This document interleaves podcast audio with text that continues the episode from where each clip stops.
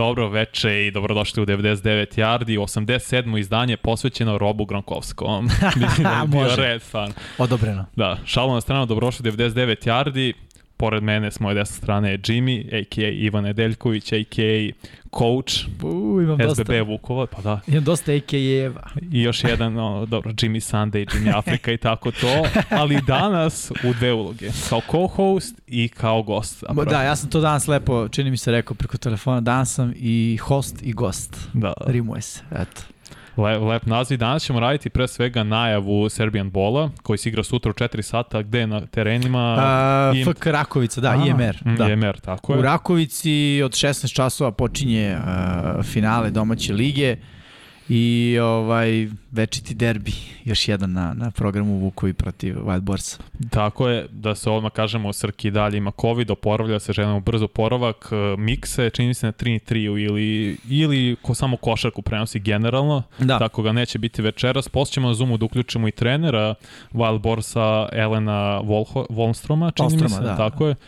A pre toga možemo da se dotaknemo glavnih vesti koje su bile u NFL-u. Moramo, jer mi smo 99 yardi, odnosno Tako je. podcast o NFL-u. Pre svega pratimo naravno šta se još dešava što u Evropi, što van NFL-a u Americi. Mhm. Ovaj, e, tako da da, ali eto, večeras, jako smo prošle nedelje pričali da ćemo a, da ovaj, odradimo intervju sa Đođom Tavekijom, to je dalje na, na repertoaru, što se kaže, samo eto... To je za sledeću nelju. Da, da, da. Ove nedelje ipak je finale, mislim, za, za američki futbal u Srbiji, generalno u celom našem regionu, mm -hmm. što Mhm. jeste dobra vest, je ono, možemo reći, ono, na, na najveći događaj koji može da se prati uživo, mada od sledeće godine tu je Minhen, tako da nećemo više biti najveći događaj koji može da se prati uživo u, u Evropi. Šalno stranu, da. Uh, da, ajde prema što počnemo, like, subscribe, naravno i uh, mazite se, pazite se, sve ono što uh, Srđan Erceg uh, govori kada, kada počne bilo koji od, od naših podcastova u Infinity Lighthouse-u. Postaješ sve bolje u tome. A? Postaješ sve bolje. Pa. Pozovi ljude na Patreon da se pridruže, E, da, da, postanu Patreon. pokrovitelji, tako je. Uh, svetioničari na tako je, YouTube-u, tako je. kliknite dugme join, jer kao što stara uh, poslovica kaže, YouTube i algoritam voli like i subscribe. Tako je. Možemo krenuti sa glavnom vešću, mislim, koja je bila zapravo, koja je obeležila NFL, to je trade Baker Mayfielda napokon Da. u Carolina Pantherse za pik iz pete runde 2024. koji može da postane četvrta runda ako Baker odigra minimalno 70% snapova ove sezone. Šta ti misliš o tradu, ko je pobedio, da li ima pobednik zapravo i kako e, vidiš Bakerovu karijeru u nastavku, ne, ne, ne nužno i sledeće godine, da, sledeće, ali nakon toga. Šta je, šta je neko tvoja zamisao za Bakera? Uh, ko je pobedio, mislim da je ovo nerešena situacija. Ne, ne, ne, ništa Da, loše. loše ili... Ne, ne, ovo je ono nerešeno, kad gledaš, obično futbol bude 5-5, ono, dobar meč, ali nerešeno. Au. Da, mislim da nema nekog specijalnog pobednika uh, trejda, ali mislim da su sve strane uh, dobile. Baš sam ono u paralelnom univerzum sad. Dobile Ide onaj šta? mim gde ona žena računa i ono kao šta je rekao sad. ovaj, ne, pa ajde ovako, krenemo Bakera Mayfield. Imamo tri strane, jel tako? Imamo Karolinu, mm. -hmm. imamo Cleveland i imamo Bakera. A, Baker je dobio šansu da se bori da bude legitimni starter. Svima je jasno da kako je došao Watson u Cleveland, mislim, kako je došao, on je tu. Sad da će igrati, to ćemo videti. Ali se zna ko je broj jedan u, u, u Clevelandu i zašto je Mhm. doveden Watson. I poruka Bakeru Mayfieldu je poslata, a to je ono, čekali smo, nisi nam isporučio ono što smo čekali da, da vidimo. A, Baker je dobio novi tim i ja mislim sasvim legitimnu šansu da bude starter.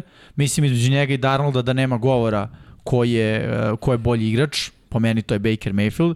A, druga stvar, mislim da sistem meta rula može da bude odgova, više odgovarajući za Bakera Mayfielda i da onako uh, Baker Mayfield tu pronađe. To je onako sistem koji onako dosta i dalje podsjeća na neki college sistem, aj tako mm -hmm. Mhm. da kažemo. Uh, mislim da bi on tu mogao da procveta. S druge strane, nova motivacija, novo okruženje za njega, uh, nova šansa da krene od nule, aj tako da kažem. Ne zaboravimo i njegovu priču koja, je- kako je išao na, na koleđu, on je bio walk-on, je li tako? Tako je. Transferovao se, je tako? Transfera se na Oklahoma. na Oklahoma i tu je doživeo pu, pun uh, procvat, znaš. Sličan scenario kao sad u profesionalnoj karijeri. Ono, sad, ok, nije transfer, ali ovo je trade, to je to. Ovo, ima šansu za taj novi početak i nije mu nepoznat teren. Već je bio u takvoj situaciji kada je, kada je bio na, na, na koleđu. Sad, to je jedna strana. Druga strana, Carolina Panthersi. Ko je quarterback tamo? Ko je rešenje? U zadnje dve godine. realno nema pravog rešenja. Pa realno ko je bio, bio je zapravo Cam i bio je Sam Darnold. Da. I, I to je sad, bi Sam Darnold izgledao ok prve tri utakmice, ali to je dok je bio Christian McCaffrey zdrav. Tako je.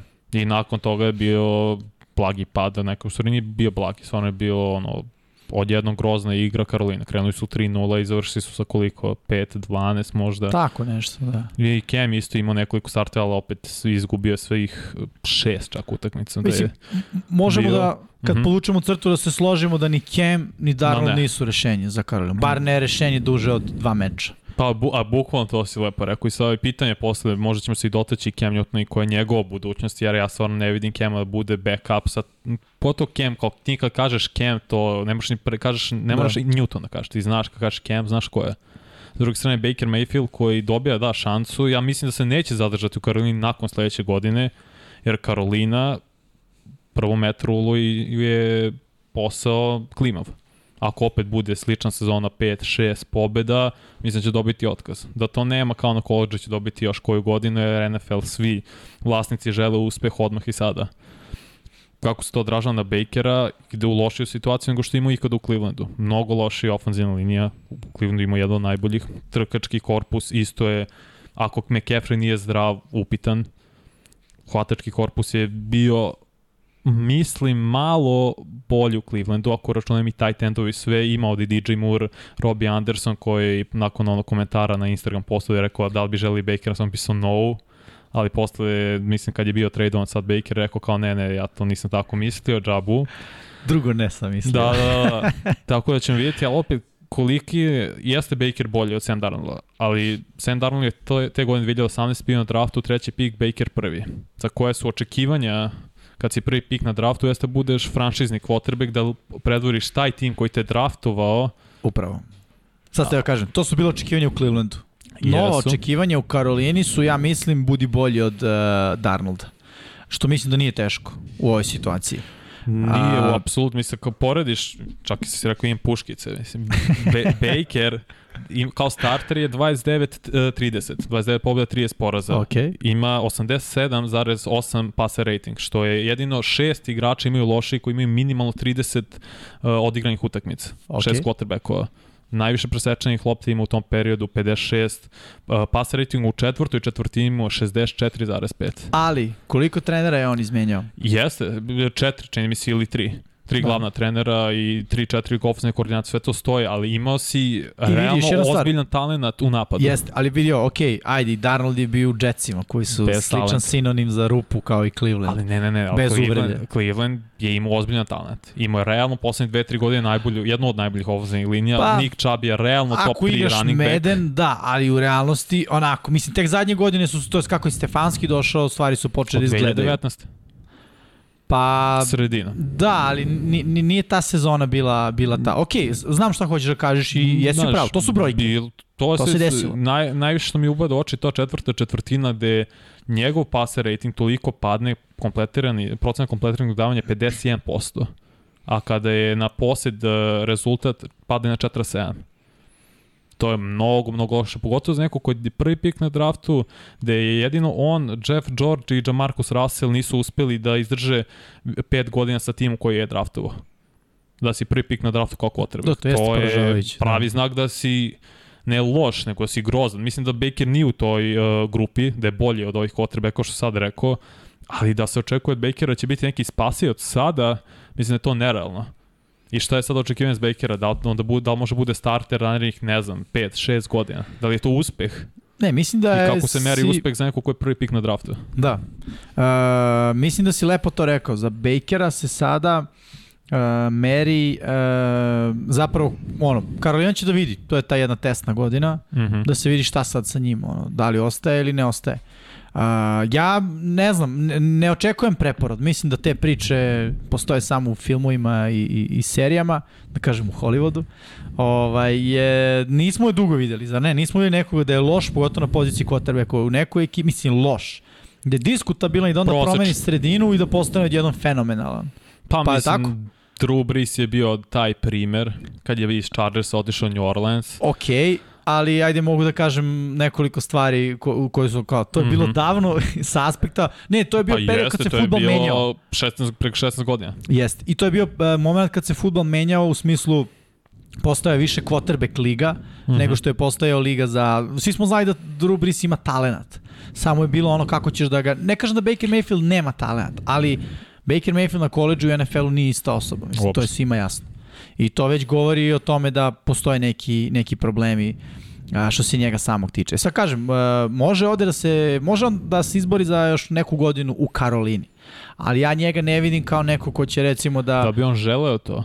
Jer kaže, on jeste onu 2020. kad se Odell povredi, odigrao brutalno, stvarno je, stvarno je bio nevjerovatan, ali to je opet spoj kad imaš odličnu ofanzivnu liniju, odlične trkače i Hunt i Chubb su tad dominirali, bili najbolji duo u ligi, imao si solidne hvatače, tad je bio Jarvis i solidne tight endove, ali opet, to je spoj svega i odbrana je radila svoj posao do nekle. Ali nakon toga, da, igra je prošle godine povređa, možda nije trebao. Možda stvarno ova povreda što je Baker imao, levog ramena da je to uticalo toliko na njega da i to razlog zbog loših partija. Sad ćemo vidjeti, ima novi početak u Karolini, prvo kolo baš igraju protiv Clevelanda, u Karolini, što je što je pročito da će u toj prvoj nedelji Cleveland da mu plati tipa oko Cleveland, pola miliona. Da, to nismo rekli. Cleveland plaća 10,5 miliona ugovora, da. mislim da Karolina plaća 3,5, a da ostatak ugovora je Baker pretvori da mora da ispuni kroz bonuse, timski uspeh, njegov ono, učinak, statistika. Dobro, s njegove strane to je da. Jeste, apsolutno. Znači, bit će plaćen na osnovu performansa. Tako je. Tako da, što, što opet mi govori da on, mislim to je svima bilo jasno, da on ne vidi sebe u padu karijere. Vidi samo verovatno da doživljava sebe kao neko ko je bio u nepravom trenutku na ne baš najboljem mestu.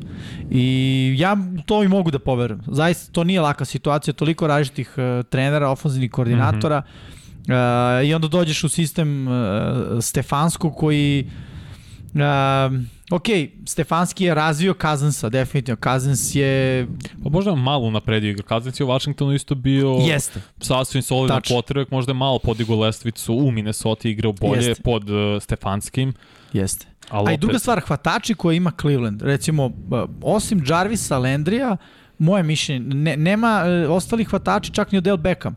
Nisu hvatači koji će da ti pomognu da napreduješ kao uh, quarterback, već su hvatači koji traže da ti budeš ono pa, da ti baciš 57 49. Eli u dosta produžio karijeru u Giantsima. E, istina, ali Odell u Giantsima nije Odell u Clevelandu. Nije povrede se, su sprečile jest. Odela pre svega da ima takav neki uticaj na, u Vidi, Clevelandu. Čim si tako dobar u Giantsima ili bilo koja, ali pre svega tako velikoj franšizi uh, i ona odluči da te traduje, da ti odeš mm -hmm. odatle, ima razlog. Znaš, ima neki razlog.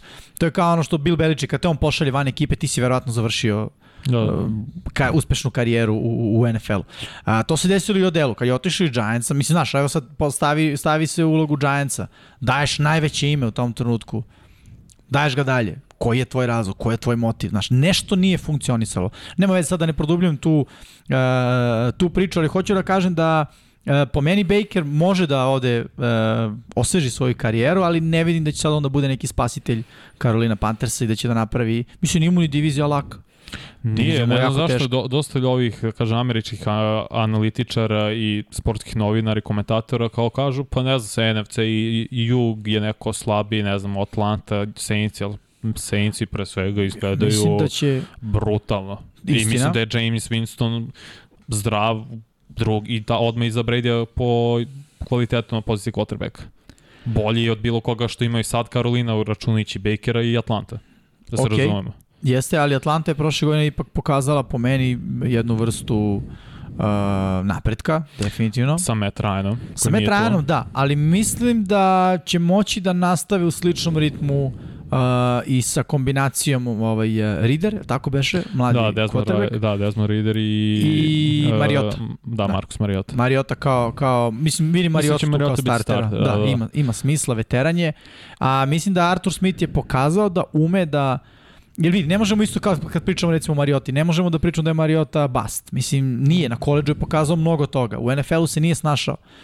Ali, još jedna stvar, Mariota iz Tennessee-a, gde je bio Arthur Smith, dolazi u Atlantu. Znači da Arthur Poznat Smith, sistem. tako je, Arthur Smith zna Zašto ga je doveo? Ono, ne samo to, nego i bio sa njim u ekipi, to je ono, kad si trener u ekipi da imaš nekog igrača. Ja, posle toga postaneš glavni trener. Ako do bilo kog igrača doveš iz stare ekipe, nešto znaš o njemu što se uklapa u tvoje zamisli i ono što ti treba da, da on izvede. jasno. Tako da po meni on može biti prilično uspešan. Ne- Samo hoću da kažem, ne mislim da je jug NFC-a toliko slaba divizija. Karolina tu deluje kao najveći znak pitanja, Apsolutno. ali Atlanta može da bude onako prijatno iznenađenje, kao i prošle godine. Prošle godine su bili prijatno iznenađenje. Jes, ali mislim da stvarno Saints i da su tu ozbiljan uh, Da, da. kandidat za da osvoje diviziju. Mislim da ih dosta ljudi podcenjuje Saints i gledaš ofanzivnu liniju, defanzivnu liniju, celu defanzivnu stranu zapravo je brutalno. Da. I mislim da stvarno imaju poprilično talenta, pogotovo u NFC-u bih stavio top 6 što se tiče striktno talenta na papiru. Tako da su mislim da su ozbiljno playoff tim. Slažem se. A, Šta samo je- bih završio, Aha. izvini, ovo što rekao kao tri strane. Baker, tu smo stranu Tako je. apsolvirali. Što se tiče Karoline, i to smo onako prilično dobro rekli, jeste. Veća konkurencija na poziciji quarterbacka Neće imaš... tradeovati Darnolda, ostaće Darnold. Nema potrebe, nema potrebe da se traduje. Matt neka Corral isto bude. je draftovan. Jeste, i on je draftovan kao, kao neko ko je mladi. Mislim da se onako okreću ka tome da Baker bude broj 1, uh, Koral, Koral, kako god da ga akcentu, mm. -hmm. nije ni bitno bude broj 2, naravno da tu samo eto, ono, koegzistira sa, sa svima njima i da prosto bude ukoliko se Bakeru nešto loše desi, jer i Baker ima povrede, Ima. nije ni on u potpunosti zdrav, mislim da bi opet pre pala odluka na Darnolda nego na uh, Korala, barem do neke sredine sezone, jer Sigurno. treba rukiju dosta vremena da na treningu se navikne na tu brzinu. Treba pogotovo ovim rukijama koji su bili druga, treća, četvrta runda, Tako da je. ne, ne znači to ništa. Dak Prescott je ušao odmah kao četvrti, pik četvrte runde i postao starter za Dallas Cowboys, naravno ima izuzetak, ali opet mislim da Matt Corral prosto nije na tom nivou i da neće biti spreman za NFL odmah od prve, druge, Da. treće nedelje. I sa treće strane Cleveland Brownsi, Tako koji je. mislim da su dobili ono što je bio njihov cilj, a to je da dobiju pikove za... Dobili su nešto. Tako je, dobili su nešto za, za Bakera Mayfielda i ono, zato kažem win, win, win u smislu... Dobili su pik, do, nisu morali da plate celokupni... I nemaju negativnu godin. karmu u svojoj ekipi. Znaš, Nemaju. To je isto jako bitno. Nema, znaš, kad uđeš u sezonu sa tim da neko non stop hejtuje, da neko non stop on, ima nešto protiv, ima neki stav, nije dobro za ekipu, jer on deli slačionicu s drugim igračima. Da, ne da. treba ti ni da ga igrači zaobilaze, a niti da on... Pitanje je da li bi bio u slačonici Baker, mislim, oni su rekli, ako Dešon bude igra, mislim da neće igrati celo godinu Dešon, Kotrek broj 1, Brissett 2, Dobbs 3, mislim da, Da. da. Baker ne bi ni ušao u roster od 53 igrača. I to nije nemoguće. Da opet kao pik prve runde, to je i skupo za njih. Pa da, zato strane- ono, uštedili su 9 miliona. Mislim da bolje stvarno Cleveland nije mogu da prođe sa kako će njihova quarterback situacija da se razvije, to je pitanje više na NFL-u, na Roger Goodelu, Da. da. koliko će suspendovati Watsona. Ali do tada, ako Watson ne igra, mislim da Cleveland automatski ispada iz playoff uh, slike. Slažem se, slažem se, jer e, baš smo pre početka e, diskutovali ti i ja šta se dešava ako je Watson e, ne igra cele godine. Mi vidimo Briseta kao... Prvi set, sigurno. Definitivno, ima najviše iskustva. E, Bio je stvar, starter pre. Bio starter u New Englandu, bio starter u Kolcima. Tako je. I, I jedni i drugi su ga videli kao potencijalno, ok, prelazno, ali rešenje Mhm. za sezonu. Tako? Da. On je kad je Andrew Luck bio povređen bio prelazno, ali opet rešenje kolca za sezonu i to Tako nije je. bila sezona u kojoj smo u sedmoj nedelji otpisali kolce. Bili su živi za play-off sve do neke, možda ako se ne varam 10. 11. nedelje, možda čak i malo kasnije. I ono, nisu, nisu izgledali kao sigurna playoff ekipa, ali mogli su da se onako uvuku u, u playoff. Slična stvar je bila i kad je bio u New Englandu. Pričao se o tome da je on draftovan sa idejom da New England ga je draftovao, tako? Tako je, oni tad su bili oni Jimmy G menjali i Tom Brady dok je ovaj imao četiri, da. četiri meča suspenzije. Jeste, bila je ta priča da ovaj bi možda i on mogao da bude naslednik Toma Brady-a u, u Patriotama, kada Brady u jednom trenutku ode u penziju ili šta To već. Nije se desilo, ok, ali, ali ovaj, hoću da kažem, draftovanje sa idejom Jeste, potencijalnog jeste. naslednika. Ne kalibra Toma Brady, ali naslednik. Hm. Tako da Brissett je meni tu, ja sam broj jedan, a rekao si da je Dobbs onda da, sledeća mislim opcija. da Joshua Dobbs, da, da je on kotrek broj 2, to je već ono malo klimavo. Jeste. Ali, On je igrač koji može da odigra fantastično dva meča, ali Može, može. zavisi koliki je uzorak. Da, da. Ako ubaciš na jedan meč, možda pogodiš Okej, da to bude taj, Da, da. ali ako ti igra osam meča, mislim da više od dva ne možeš da očekuješ da bude dobar. Pitanje je sada šta je sa još jednim quarterbackom, to je Jimmy Garoppolo. Jimmy G isto se spekulisalo da bi trebalo da bude tradovan čitav off-season manje više, Da. onda je otišao na operaciju ramena i sad je pitanje gde može Jimmy G da ide i da li će se vratiti na kraju u San Francisco zapravo. Jer kad pogledaš ostale timove u NFL-u, nije sada to svi jure quarterbacka, Deshaun Watson je jurilo tri ekipe. Saints i Atlanta, Cleveland, da znamo. Da. Kakav je sad, e, kako tržite za Jimmy G-a, to je veliki znak pitanja, pre svega zbog te operacije i njegov, kako te ide njegov oporak. I da da ti vidiš njega, da će uopšte igrati ove godine ili će biti nešto tipa backup u San Francisco u slučaju da se Trey Lance povrati? Pa, hm. kad je njemu projektovano da se da bude u potpunosti zdrav? Sle, zdrav, aha. Da. Uh, malo čini se tokom trening kampa. Malo ne držim je za reč, da. ali mislim da je tokom trening kampa. Pa mislim da će trenutno mi najrealnije deluje da on ostane u 49ersima. Ne možeš ni da ga traduješ kad je u tom stanju.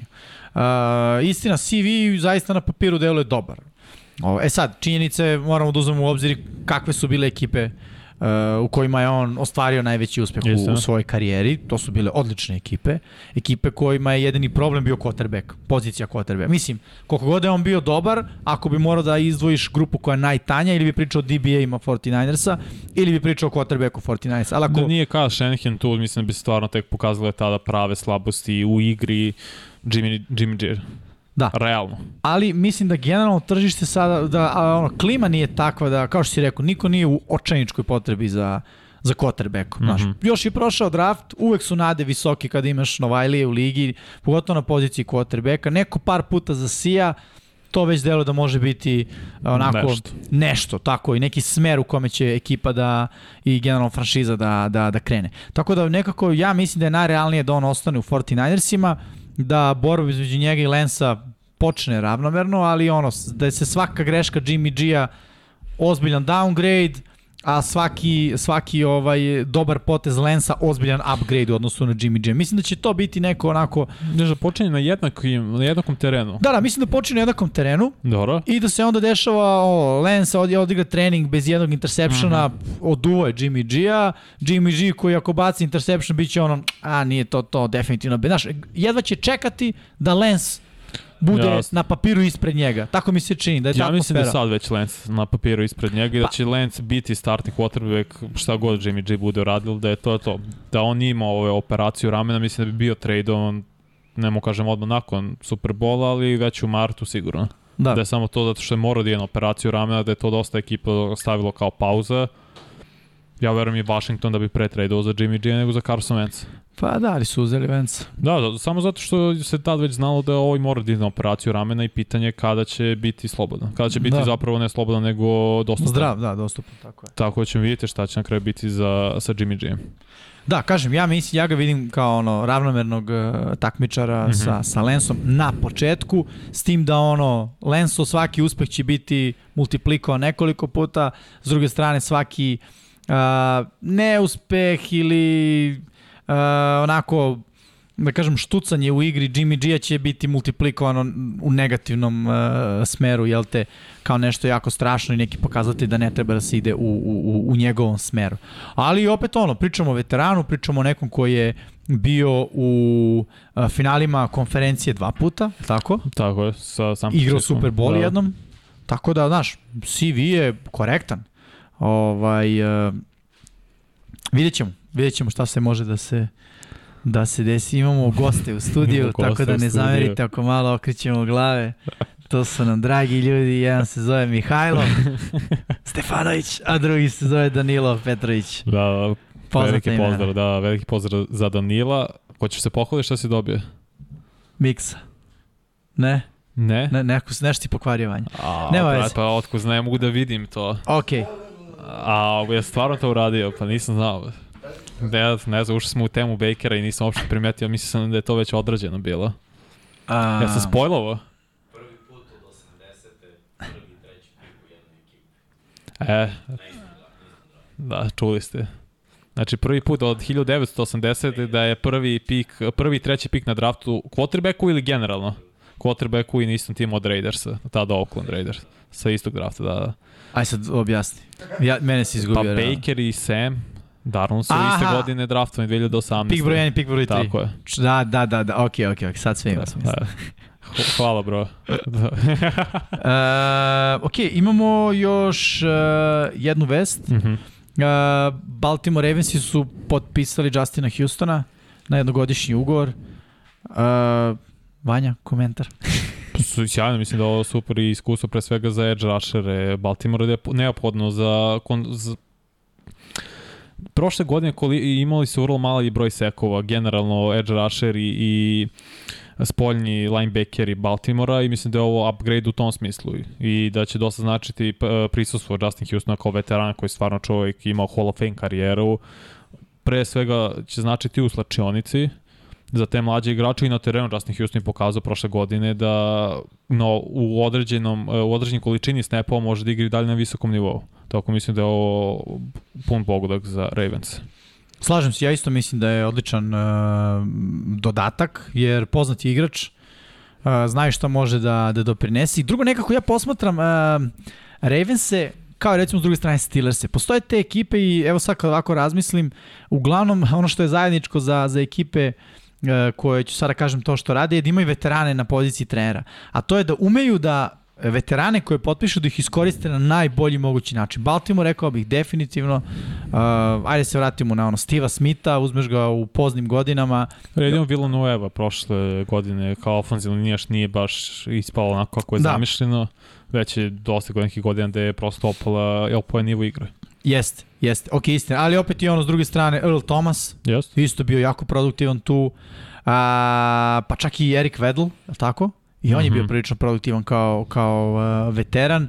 Uh, Justin Houston ove godine, uh, Calais Campbell, isto. U, umeju te veterane koji, da se razumemo, su odlični igrači. Ne pričamo o prosečnim veteranima, pa oni... Hall of Fame.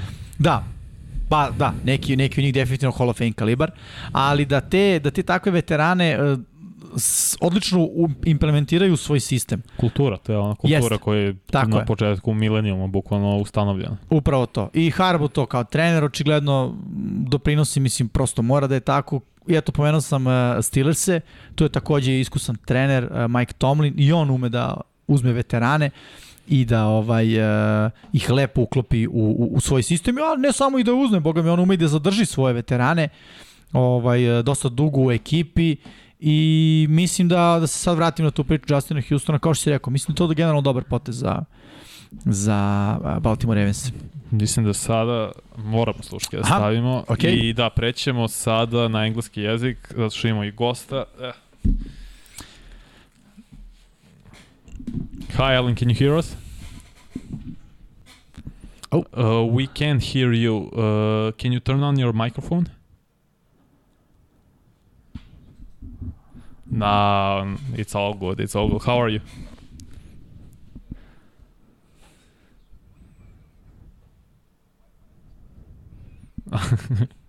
it's all good. Uh, where are you staying?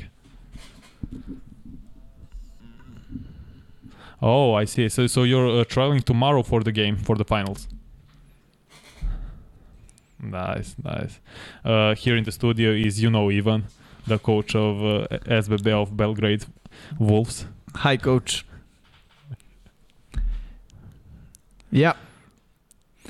How you doing? Feeling good? Ready for the game tomorrow? nice. Uh, first of all, we we will talk about the Serbian ball and some of the keys to the uh, for the tomorrow's match. But let's start with you. First of all, uh, how did you get in football in general? How did you start watching? How did you start loving football? And what's your background story for it?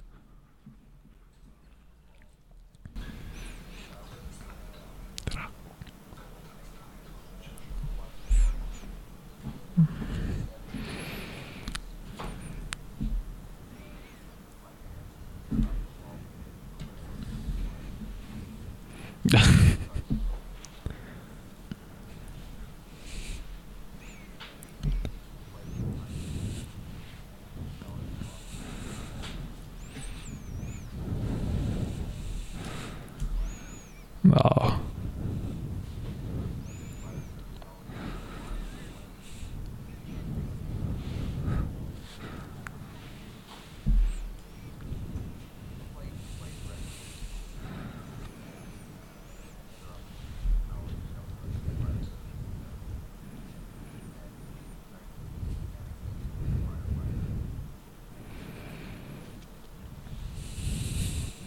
Wow, 25 years.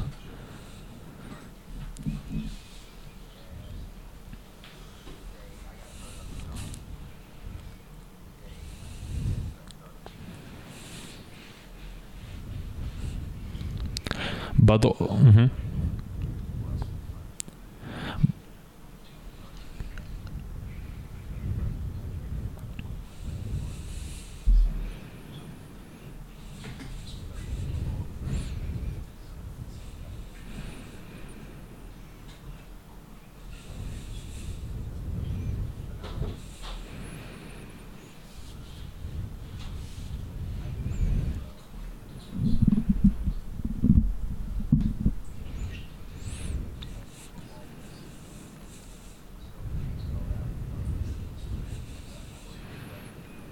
Mm-hmm.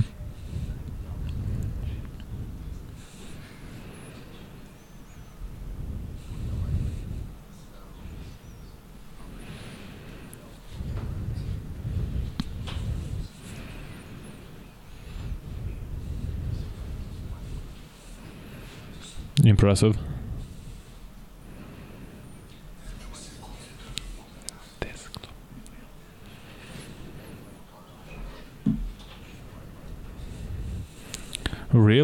Well, th- that's very nice. But after all of those years uh, as a firefighter for 25 years, the love for football was still there. Uh, was still there, because the very next day when you finished, that you started coaching at high school football.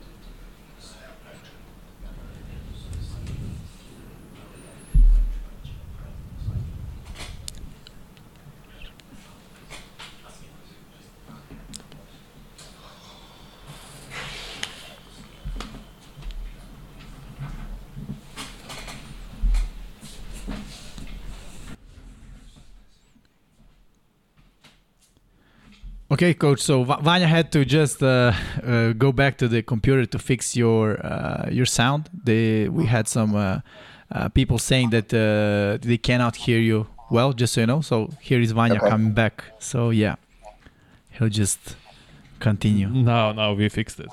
It's it's Okay, all good. good.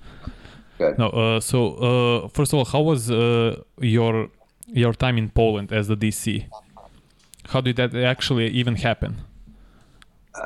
Um, you know, uh, it, the COVID thing was going on, and and I was I was open to opportunities, and so you know I was a head track coach Mhm. at high school, but our track season ended, and we weren't looking at having a, a full season the next year. And uh, Troy Baker, the head coach at the Lowlanders, uh, contacted me and asked if I was available. They needed a DC, and and I, you know, I'd been over in Europe coaching uh, with cycling, so you know, coming over here was not a was not something that that you know was challenging for me. Um, But how was so that I- I- transition from uh, from the US to Europe? Did you yeah, have so it was easy. It was Really? easy. Mhm. It, it was interesting coming from so Sweden.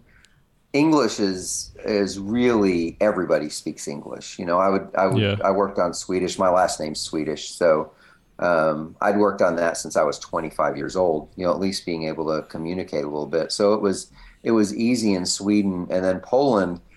Like here, the language is so different. Um, I had I had a bit of a challenge there going in, um, but football's football. You know, it, whether it's here, or Poland, or the U.S.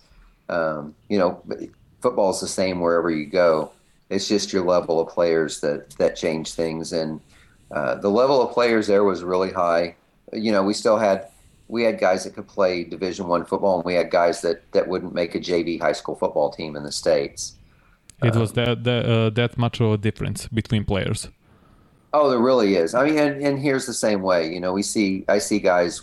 You know, when we're when we're looking and I'm I'm working up. You know, game plan. I look at guys that you know, hey, we can we can really exploit this guy, or or you know, this guy's a guy we want to stay away from. You know, and it's it's that level of play that we're looking at. Um, you know, it's but the level over there, the the the offensive and defensive line over there are just they're giants. You know, they're they're Mhm. two meters and and a hundred and 150 to 180 kilos, and they're just these giant men that play football over there. We had five guys go to either ELF or GFL one off the off the defense last year, and I, and there's uh there's two offensive linemen that are bouncing back and forth between Lowlanders and the Panthers right now. Um, Mhm. you know, the, but the level of play, you know, we had then then I had it's you know when you're you're working defense and it's we ran a, a four two five, but we couldn't spill because my outside guys were just they didn't tackle. You know, so it became we had to try to change our defense with a four two five to to force.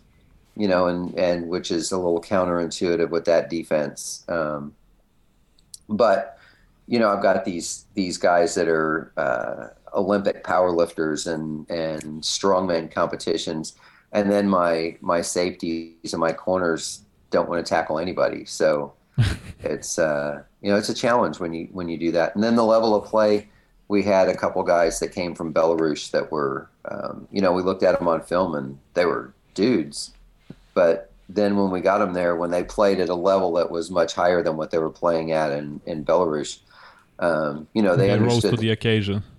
but they they were not ready for the, that level of football. Oh.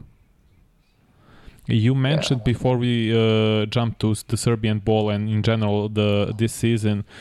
Uh, you mentioned the ELF, the European League of Football. What are your thoughts about that, and how do you see that uh, coming through in the next couple of years? I'm, you know, I'm really excited about the ELF. Uh, one of the kids that um, we had an exchange student in the in the 90s when I was in, in Texas, and one of her her friends from school ended up. He played in NFL Europe. Uh, he was an Atlanta Falcons player, but he ended up. I think he did two seasons in NFL Europe with the Galaxy, maybe. Um, I love that the NFL gave those those cities the team names back, so it does have a little bit of the uh, the carryover from NFL Europe, so those names are are familiar. Um, I think it's it's challenging as far as the domestic leagues, though, because now we have uh, like in Poland, when you had uh, Wrocław leave, that really left a power gap at the top of the league and and changed some things there. Um, I think you know if, if one of the teams from here does that, you know if, if whether it's Wild Boars or or Vukovi, I can't really see anybody else at this point making that jump.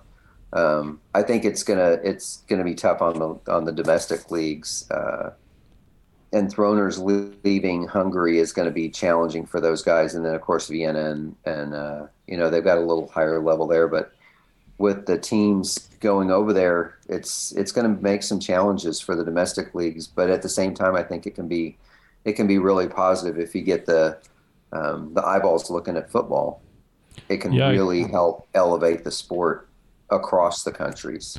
No, yeah, I totally agree. I believe there will there will be an expansion in the in the next couple of years, and more and more teams will want to play the ELF, and I think that's uh, in, in general great for uh, for football here in the in Europe because uh, the ELF is definitely the best out of this. It's even better than the GFL right now. So Oh, I sure. watched, uh, yeah, I watched the you, uh, the highlights on YouTube and everything. The, the players are just on another level.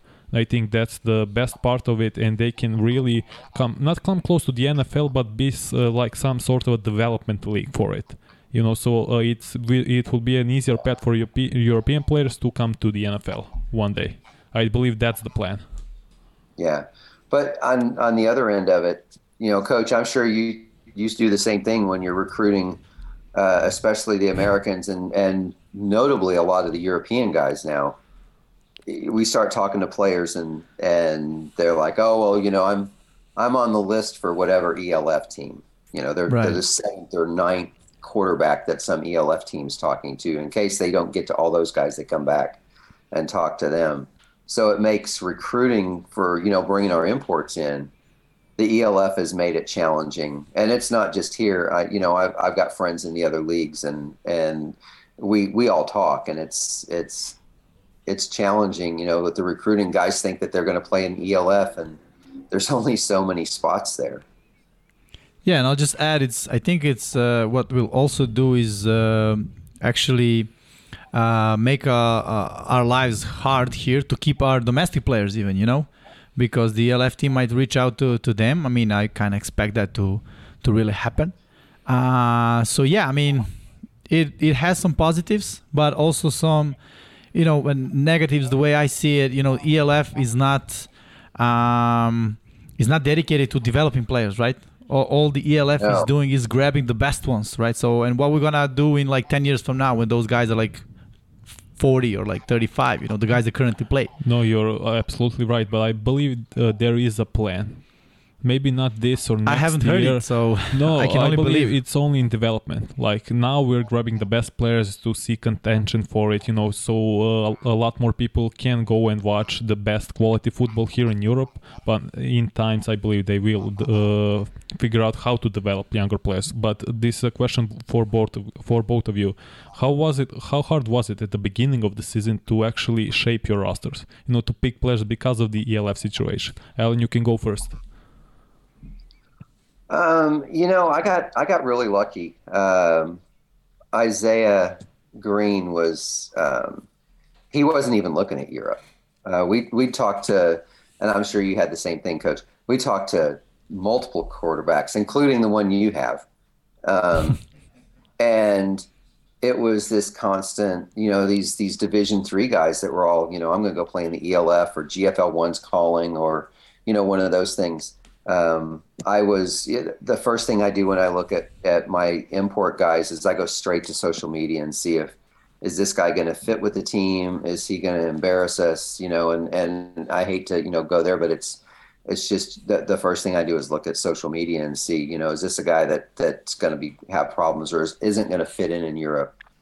Um, you know, because that happens too. Get guys come over and, and they last a month and they're homesick and, and leave. But the quarterback, I looked at a quarterback and I can't even tell you who it was. Um, and I went to his social media and I got to Twitter. And the first thing I saw on Twitter was that Isaiah was looking, he was in the transfer portal and hadn't gotten, hadn't found a home yet. And I said, you know, what, what have I got to lose? There's a, a D1 guy that's played in two bowl games and, you know, won and, and has won at the, you know, at the, the division one level. And I sent him a message. I said, Hey, why don't you come play for me in Serbia? And five minutes later, I get a message that he's uh, he's interested. Tell me more, coach. And the minute, um, you know, four days later, he signed. And you know, we'd been sitting on on three or four offers sitting out there with quarterbacks that were D two, D three guys that were, you know, they're they're holding and hedging their bets, waiting on some ELF team to call them, which none of them did and I end up with a D1 guy because I looked on somebody's social media. So as far as for me on offense, it was great. Uh, defense, you know, I, I've seen a couple of the guys sign. I think one went to um, one went to Spain, and then one of them's playing for the Mets in in Poland after the the defensive guy they brought in got hurt, and they brought him in, and he, you know, and, and Darius Dawsey's a, a a dude. He's uh, he completely changed that defense up there. You know, so he was a guy that that was very interested in. But then we got you know we got Mario and um, you know and he's done exactly what I wanted him to do. I brought him in to, to set the edge for us and and cut off half the field and you know and he's done exactly what we asked him to do. Doesn't have a ton of stats, but you know the the the big stats are you know how many points we gave up during the season and and that's what that's what we brought him in for. So um, you know it it took months to get what we wanted, but um, you know, once I got the guys, I was I was really happy with what we got.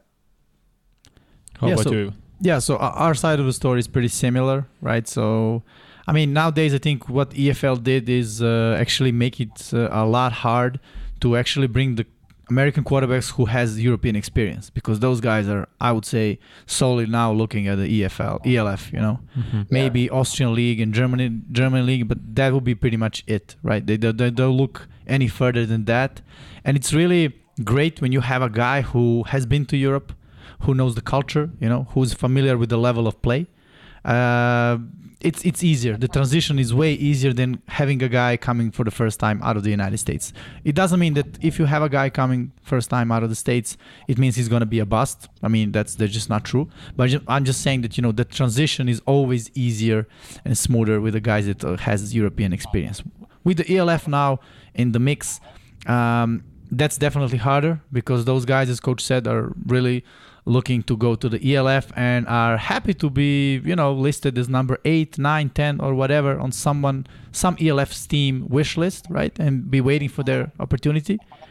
Uh, but yeah, I think um, you know, I mean, luckily in America there's like so many colleges, you know, and so many um, guys that just uh, you know just want to experience Europe, come play, you know.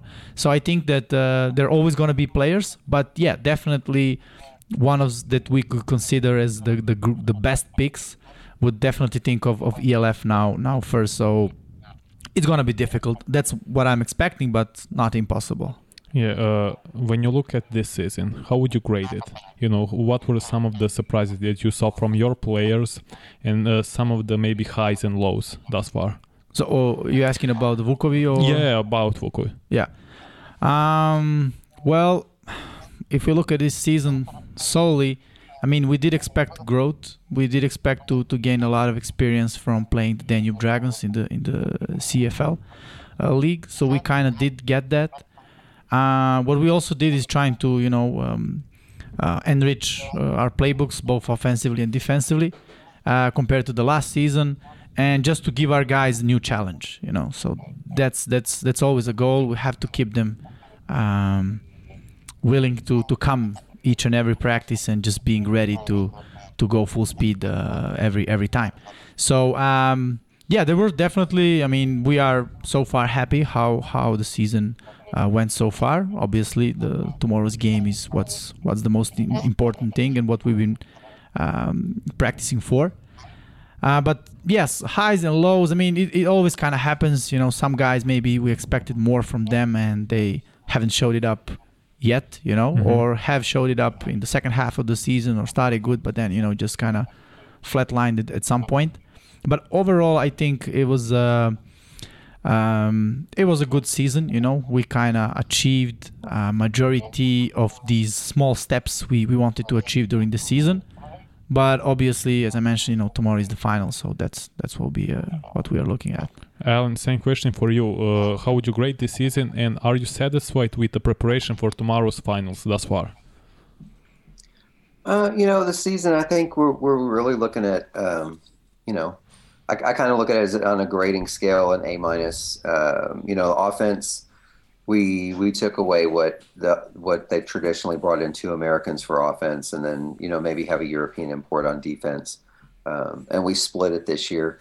And we haven't had much of a drop off on offense. I think, uh, you know, disappointment's been you know, we, we had some red zone issues specifically against Vukovi. We we were in the red zone five times and didn't score. Um, you know, but at that point, you know, have finding a kicker here should be the easiest thing you can do is find a kicker in Europe, but it never works out that way.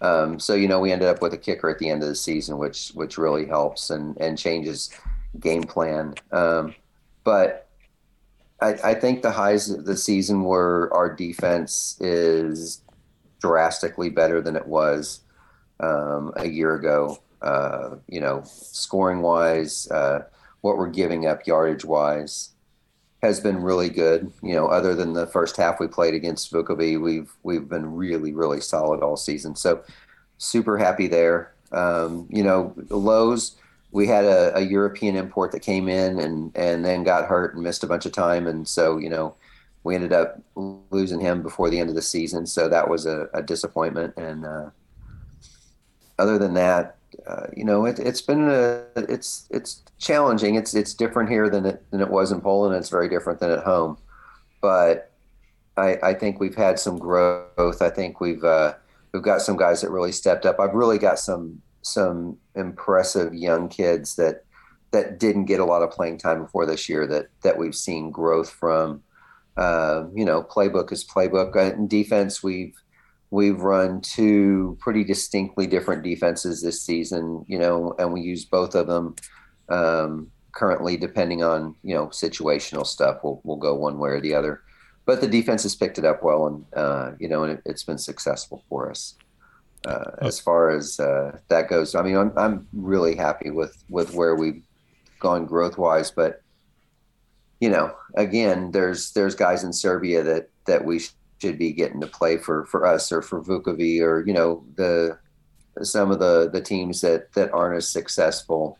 And those guys aren't playing here. They're they're trying to go play in Germany. And you know like coach said we're we're not keeping the guys in the country that we need to keep in the country. And I think that's something season wise that that we need to look at as a league to how do we how do we make that better I understand. Uh, you said it before. Uh, the first time you played Vukovic this year, you failed to. You were at a, a red zone five times and you, you didn't score any of them. What are some of the keys for tomorrow's match? I assume uh, that's one of them, just being uh, efficient in the red zone. But what are some of the other keys for tomorrow's finals? Well, you know, I mean, uh, don't give up the don't give up the cheap uh, the cheap stuff we gave up in the first game um, on defense you know they came out and and exploited what our defense was you know there's there's some things that 46 defense isn't great at and the west coast offenses uh, it was developed specifically to beat the bears 46 and and coach and his squad you know they came out and did those things against us. Um, you know we're running we're running two different uh, defensive uh, fronts you know that what we run there and we're running a, a 4-4 defense and you know so there's there's a lot of we've taken some stuff away. Um, we've made adjustments. You know, I I know what their playbook is. You know, I've looked at their film, hours and hours of film. Um, you know, so for us, it's it's be efficient in the red zone. Don't turn the ball over, and you know, and don't make mistakes and don't run your mouth during the game that that cost you plays. That you know, scoring plays when we lose a touchdown because somebody somebody wants to ch- chatter.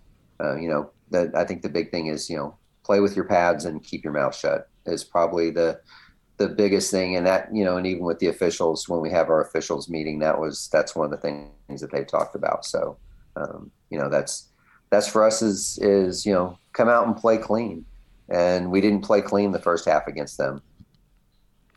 Even the same question obviously. What are the keys for tomorrow's match for the wolves to beat the wild boars I have to say I'm it just, in I'm just messing. Yeah.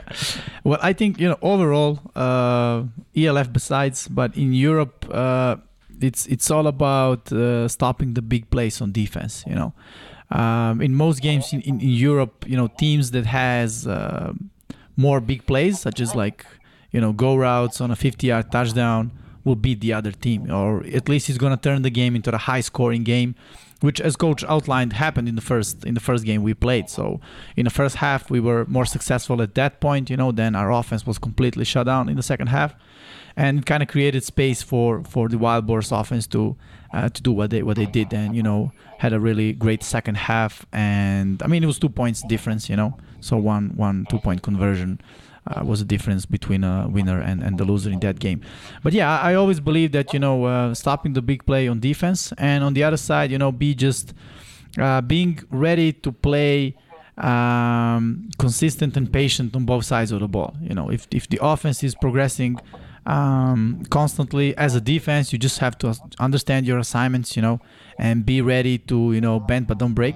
Mhm. And on the other hand, you know, of the ball as, as an offense, you know, just be patient. Just be patient. You know, don't live on the 40 yard fade touchdowns. You know, just have a plan and execute the plan. Be be ready, because I think that's you know Europe so far has been all about the big plays. You know, the, the defenses who can really stop can stop the, the big plays are the ones who are very successful. Uh, and same with the offenses. The offenses who can really make those big plays and have them four or five during the game. If you have five big plays in a game, right? So you're you're at least gonna have five shots at the end zone. Some of them could be already touchdowns. So we're talking about 35 points already. Uh, sorry, uh, yeah, 35, 35. points already. So Yeah, that, that's had- that's high scoring game. Yeah, you had a big lead the last match at Mhm. half, and then you just lost it like this. Yeah. Is that one of the keys, just to keep concentration and focus at a high level throughout the entire match? Yeah, yeah, de- definitely playing all four quarters. That's Yeah. that's something we've been focusing uh, after that game. You know, we, we saw that uh, that could be uh, our weakness, considering that you know our, our roster is pretty young. Uh, and uh, not that uh, experienced. I mean, Wild Boars rosters is, is getting younger, definitely is younger compared to last year and two years before that. But again, they have a, a couple of uh, veteran players who I'm sure you know helps uh, these young guys to stay focused, stay in the game, and just you know uh, help them out during the game as, as their teammates uh, to to point them to the, to the right direction. I'm not saying we don't have that. We have a, a few ourselves, um, but uh, yeah, I think that that also kind of happened. You know, we just thought, okay, the game is over. You know, we can just go home. But football is played four quarters. This is a little bit an, an ungrateful question, but who is the most dangerous player for both of you uh, on the opposite teams? You know, from Okay. the Wild Boars for you and Alan uh, for from Vukovi for you. Who would you say what is in tomorrow's match the most dangerous one? Uh, there's two guys that that really, you know, that that we've we've prepared for a lot, and that's uh, that's one and seventeen. You know, I mean, both those guys are. Uh, one's really young, and man, he just he just torched us that first game. Um, you know, and 17's a, a more of a veteran guy, and you know, so he's he's a guy that that we're looking at. You know, we got to make sure that we know where these two guys are on the field, and you know, the quarterback obviously he can he puts the ball where he wants to put the ball. I think um, your your young guy that won, man, he you know watching film, it's it's interesting seeing some of these kids and and there's guys that just have that innate ability to find open space on the football field. Um, you know, I, I see him run himself to open or you know it's obvious he's running a, a seam or he's running a, a post pattern, but there's a, a free safety over the top or or he's got another safety over there and and he just adjusts that route and slides into the hole and sits down and gets a you know takes a 15 yard gain instead of trying to to push that 25 where it's a, a pick so you know that's that's probably the i think one is probably the guy that that is the most concerning on on their side. Um you know but but 17 he's a he's a dude too. Coach, do you know that number one was voted the league's MVP? yeah that doesn't surprise me in the least. He was he was on on yeah he was on top of my list so Yeah, yeah. So I just got the news maybe a couple hours before before the we did the podcast. So yeah, I, and I think he totally deserved it as as you mentioned. He's very young. I think he's the youngest league MVP ever. How old is he? Who? What's his name? Actually, let's just say. Petar Balic. Mhm. That's that's his name. And if I'm not mistaken, he's 18 years old. Wow. Yeah. Still in yeah high school. he's he's a baby Yeah. he's Yeah, he's he's good Coach, uh, question for you with that. Can you see him actually playing, uh, let's say, for starters, D2 or D1 uh, college football? Because Yeah, he's you know, still in high school, I believe. he's he's a guy that could go play. You know, I mean, I mean, we we've got Nemanja who's who's been injured a little bit this year. I mean, um, he's a guy that can go play at the next level, and you know, and and I think D one takes a lot of you know, it's it's not just. Um, I would I would look at him at a good Division two or maybe an FCS school that's going to have the patience with him. If he goes to a D one school and he doesn't have quite the you know, like you look at these kids from Texas, they've been they've been getting private coaching and they've been, um, Yeah. you know, the middle school coaches. So for seven years, by the time they get out of high school, they've been in the same same program and and you know they they go to college and they're prepared to go play college football. Um, Maybe I a think red if you go shirt to- year? Excuse me. Maybe a red shirt year for starters. Yeah, Okay. you know, even at, at that Division One level, there's just no patience. You know, especially if they go on scholarship. If he's a walk on, yes, there's there's plenty of there's plenty of patience. But if somebody's gonna gonna pay for him to go to school, I would look at at him at at a you know a, a good Division two school or even a, a you know a good FCS school. And then you know if he shows off, he goes and he goes someplace else. But you know look at uh, look at the best receiver in the NFL's Cooper Cup, and he didn't Yeah. get a sniff of D1. He was he was the guy. I mean, we we played against him. The high school I was coaching at, we played Really? against him when he was in high school. Yeah, and I mean he was he was without a doubt the best football player on the field. And then the same thing at, at Eastern Washington. He was the best guy on the field. And, you know, it's obvious. He just, but Eastern had the time to develop him where uh, Mike Leach at WSU, which is where, you know, if I'm putting him in a, in a program that's going to fit his skill set, I go to WSU when Leach is there. They didn't even look at him. He didn't match the measurables, you know. But, um, you know, you've got to run, you got to be a four four guy, like a legit four four guy, to go to a good Division One school, or or you go to a small division, you know, a, a lesser Division One school, you know, one of the um, the group of five schools, and you know, maybe maybe at one of those things he's in good shape, but a good FCS school that that'll take the time and develop him would be solid. Yeah, a uh, quick question before we go to even. Uh, we're mentioning now the D1s and everything. That what, what are your thoughts about the state of college football in general? You saw the the UCLA and USC jumping to Big Ten and all of that conference moving. What are your thoughts about that, and how do you see college football uh, in the next couple of years in general uh, are they going to, towards like two big super conferences like the sec and the big ten or will they build something more than that? Uh, you know that's funny. I, I actually wrote for bleacher report back in 2010 2009 2010 mm-hmm. and and had an article about about the future of, of college football. And that was when the first big conference realignment happened. I think uh, TCU ended up in in the Big Twelve right around there. Um, I I think you know from from what I'm hearing from from my uh, my coaching friends at home is you're probably going to look at the the big Division One schools are going to break off away from the NCAA and have have their own thing. You know, it just it makes sense going there. I think in the in the meantime, you're going to have 20 team super conferences. I know the Big 12. I grew up in Texas, so I mean, you know, mm-hmm. Big 12, which used to be Southwest Conference guys. They're looking to um, add up like six uh, Pac-12 teams. That's what yeah, I read Yeah, so looking uh, at, at six week. Pac-12 teams. Yeah, so it's going to be an 18 team conference. Yeah. Um, you know, Notre Dame is kind of the, the kingpin of where does where does Notre Dame go? Are they going to stay? Are they going to stay independent? And right now, I read that they are getting from, uh, correct me if I'm wrong, from NBC, I believe like uh, 15 million a year for their TV rights. But I'm not sure if that's uh, correct or not. I believe they can yeah, make much more in the Big Ten or SEC, but they yeah, like they're, being they're independent. 80. But wow. you know, 50 million when when you get to pick what your schedule is every year and you're not stuck playing yeah. Purdue and Rutgers and those guys. You you know you you get to play USC and you get to play Michigan and Michigan State and you get to play Texas and you know whoever. Alabama doesn't like to play those schools like Notre Dame out of conference because you know they just don't. Yeah. But I, you know I I think that you're going to see these that the, we're not going to have a, a you know the the big five conferences. I think you're gonna you're gonna go to four what's left over of the Pac-12 is going to end up in the Mountain West. And that's just that's just me guessing, but that's where I would, you know, it fits better. Um, and Mountain West football's not bad. It's just, you know, but WSU and Oregon State and you know, I think Stanford and Cal are the two teams that are really kind of on the outside looking in. Um, it's going to be it's going to be hard for those guys. And then if if they really get into this like a 64 team super league, which is kind of the, the stuff I'm hearing as well.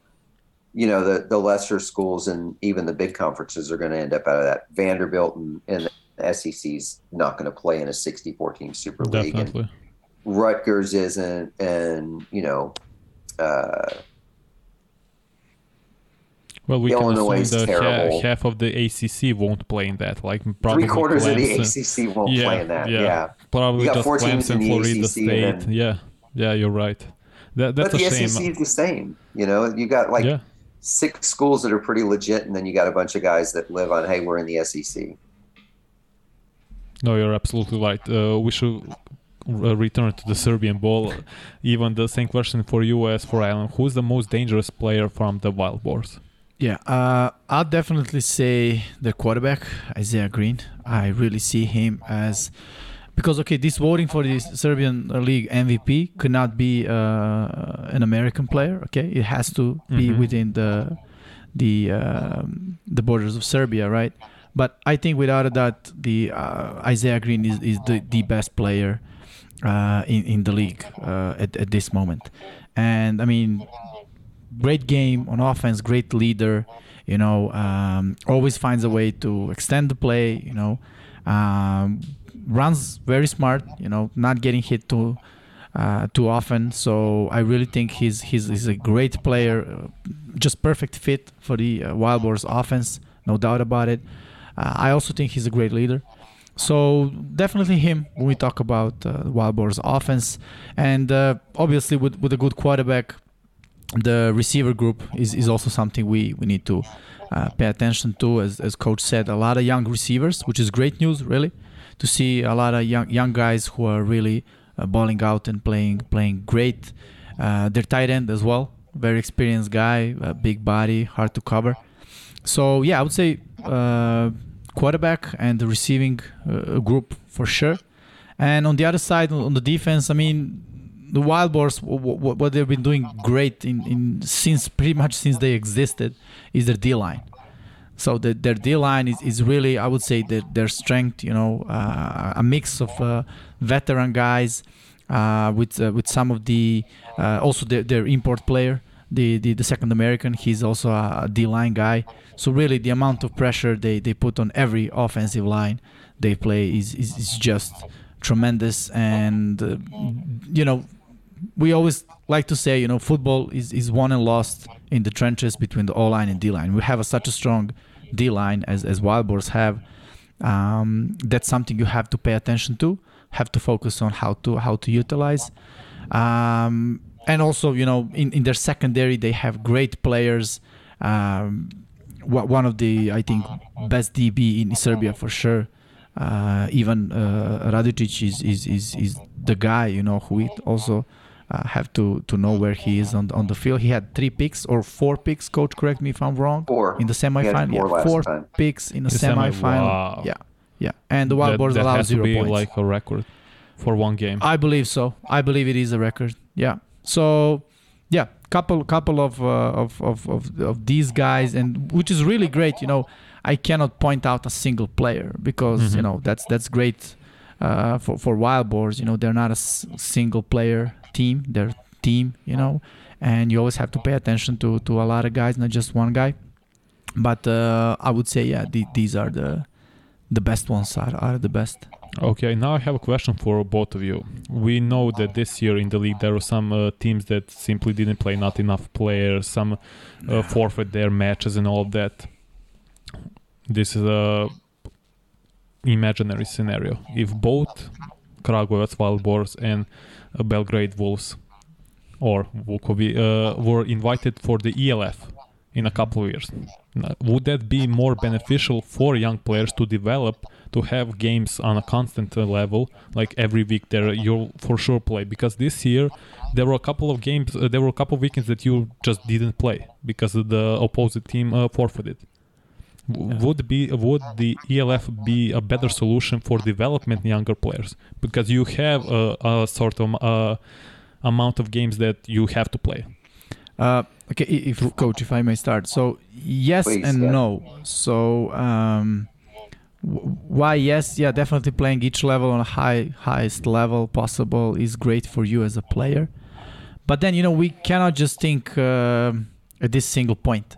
Uh, I'm not sure. I mean, I know that in Vukovi we have four coaches. That's not enough for ELF, right? You Yeah. cannot start a season in ELF having four coaches um, you know facility we don't have our own facility you know we have to be really strongly backed up by some type of you know sponsorship financial support which really allows you to be ready for elf and i think at this point that's uh, that's what's been making the, the, the, the biggest difference, you know, between. I mean, if I you do put believe us, the ELF um, uh, give not gives you, but manages some of the sponsorships for teams. I don't know that. I mean, to be I honest, I believe uh, e- even uh, uh, no, par- uh, sorry me, uh, Goran. Goran, yeah, Mhm. Zed said that.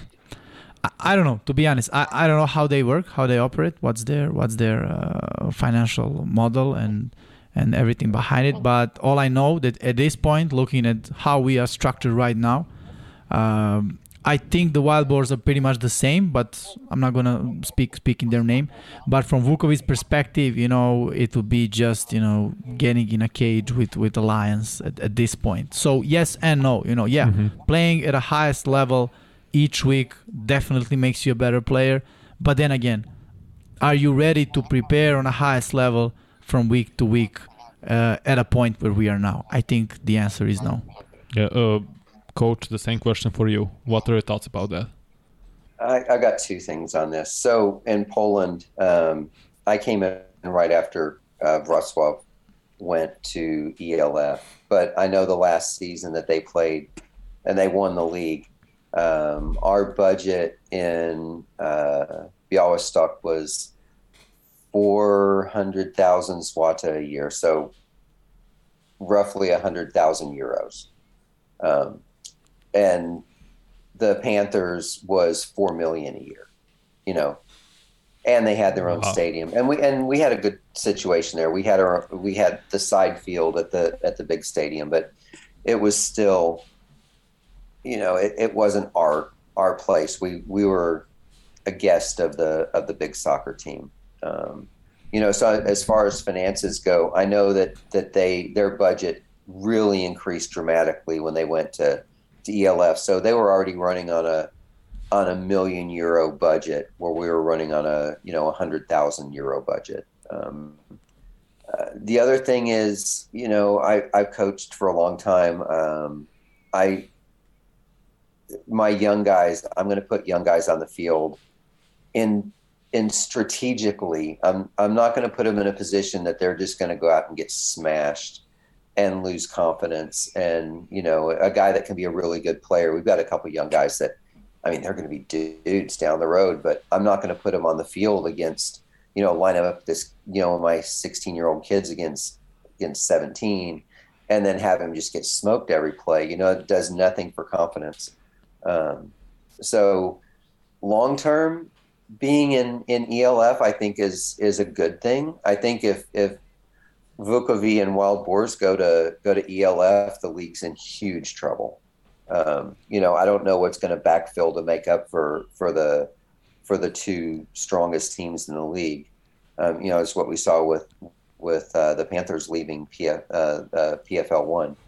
You know, it, it left a vacuum there. Um, but uh, like Coach said, you know, it's it's man, those guys. Every player on the team is paid. Yeah, I think the minimum is a, a hundred euro a month, but every team, every player on the team is paid.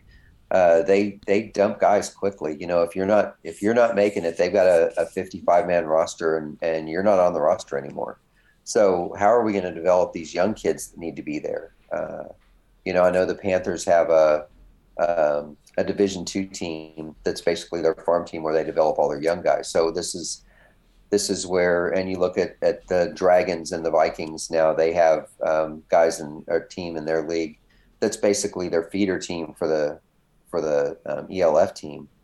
So I don't know. I, I think it's it's a you know it's it's a double edged sword there that we can you know it can be really good for for those teams that make it in there, but man, the the learning curve is going to be super steep, and it's going to be hard on um, on developing guys. You know, Coach said it earlier. It's not a developmental league. It's a it's a guys that are developed already league. So if if that happens, we're going to have to find you know we're going to have to have a second division team or you know a first division team here that's our our farm team, and the same with Vukovi. You're going to have to have have a another squad.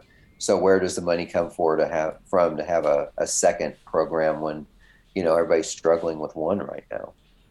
No, yeah, I understand you, and you're both totally right.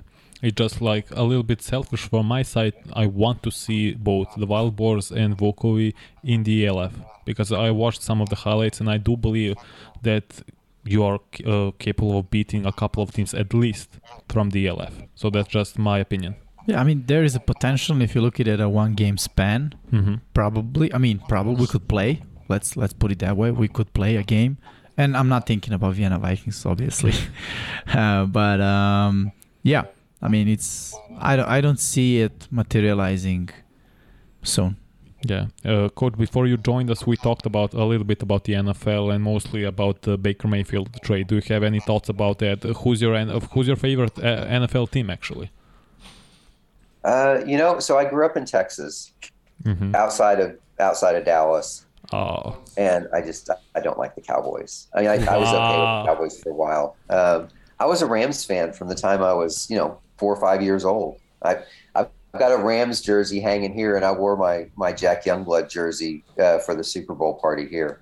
nice. Um, So I've been a Rams fan since I was a kid. When they were in St. Louis, I just couldn't bring myself to buy any of that ugly stuff that they did there. But um, you know, so that was my that was my period where I bounced around a little bit. I you know when I worked for the for the government as a firefighter, I was in in Georgia and and was a Jaguars fan briefly, and because uh, when they were starting up, but you know, as far as Mayfield goes, man, that guy's got so much talent, and he's just he's just kind of a train wreck. You know, I mean, not like not like Johnny Football, but yeah, he's. I I don't know if it's his his personality or or what. I've I've got some friends on coaching staffs and and the Big Twelve, and and they were, uh, you know, he was a guy, but there were some schools that backed off of him. Then, yeah, Lincoln Riley took a shot his, at, uh, with him at Oklahoma, and I mean, he won the Heisman, so obviously it was a great fit. Johnny Football won the Heisman too, and what a yeah, wreck true. that guy is.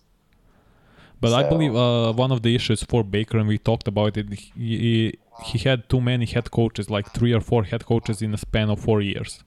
So I do believe yeah, that, that help uh, anybody. yeah, that was a poor influence on him, definitely. But how do you see this scenario with Matt Rhule in Carolina? And do you think he will stay uh, more than one year? Because I believe uh, after next year he will test the free agency market and uh, go elsewhere. I believe this is just like some type of a pit stop for him. You know, if he if he plays well, you know the market's there, the talent's there. It's you know what what's he going to do with it? Um, I think Carolina is a pretty good fit for him. Uh, you know, they're they're a little, you know, Cam Newton. They they do some off, you know, not the same as everybody else does. So his style of football, but I think I think those quarterbacks like like him and Mahomes and those those you know playmaker backyard football guys. I think there's there's room for it in the NFL now. Um, you know, if he finds some place stable, but God, I don't know. You know, he's got to show this year. Otherwise, he's going to be sitting in Carolina. But I think he's definitely the better quarterback in Carolina right now. But they, I think they just drafted a guy too with the. Yeah, they drafted uh, Matt Corral actually. I believe in the third or fifth round.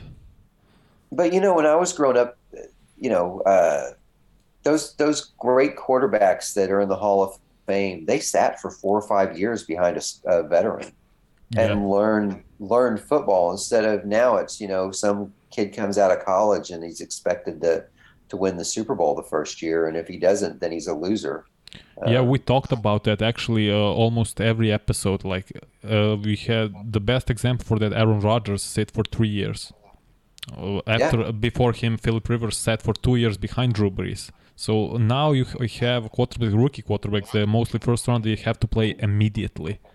Yeah, they're maybe more talented, but they're definitely not uh, ready for the NFL. And that's why we see more and more busts as a first round quarterback than ever. Yeah, yeah. There's you get the the they're paying him so much money that you know everybody expects him to go out and win. And um, you know, I think that absolutely the best thing to do is have these guys that are that sit for a couple years. Um, so, and you've got two, you've got you've got two guys there right now that have come out of out of college expected to be the guy, and, and so you know he can sit and look and go, all right, this didn't work with him, and it didn't work with him. So maybe the best thing is to you know, hey, let's learn. I hate what they did in Chicago last year, where um, you know once once Dalton got hurt, they uh, they threw the kid to the wolves, and and that was a situation where they brought a veteran in specifically to let him sit and learn, and then he got hurt, and you know, and and the coach was going to get fired, so he puts that guy in the field, and you know, if you got a coach that has a has a stable situation, I think you're in a in a better situation as a quarterback than one who's on the hot seat. No, I totally agree with that. Uh, even uh, Alan, one last word before tomorrow's finals. Do you have any like messages or something like that? Oh man, dude, no. I I bulletin board material is not my thing. You know, I, I like to I like to uh, I like to grab that stuff and, and let somebody else have. I uh, you know I, I think it's going to be a great game. Um, you know, it, it was a two point game before we came out and laid an egg in the first half. They did the same thing in the second half and ended up, you know, being being a really close game. Um, you know, we just it, like Coach said, we got to play four quarters. Uh, I'm looking forward to a really good football game against a really good opponent, and, and um, you know, let's see some good football. Let's let's put on a show for the fans, and you know, we're on TV, so let's you know, let's show them what American football is and and how great it can be when you have two really solid teams on the field against each other. Yeah. pretty much same here. Yeah, just uh, looking forward to the game tomorrow. I definitely think it's gonna be the best game of the of the year. Um, and yeah, to put some something for the people to either watching at a stadium or back home, back home, home at, uh, in front of the TV. Uh, really good show, and you know, I I mean, uh, throughout all my playing career and after now as uh, as being a coach, I always you know keep telling people like educating the people who are not uh, American football fans that football here in Serbia is all about one thing: winning. You know, we're not playing for money. We're not playing for popularity, for fame.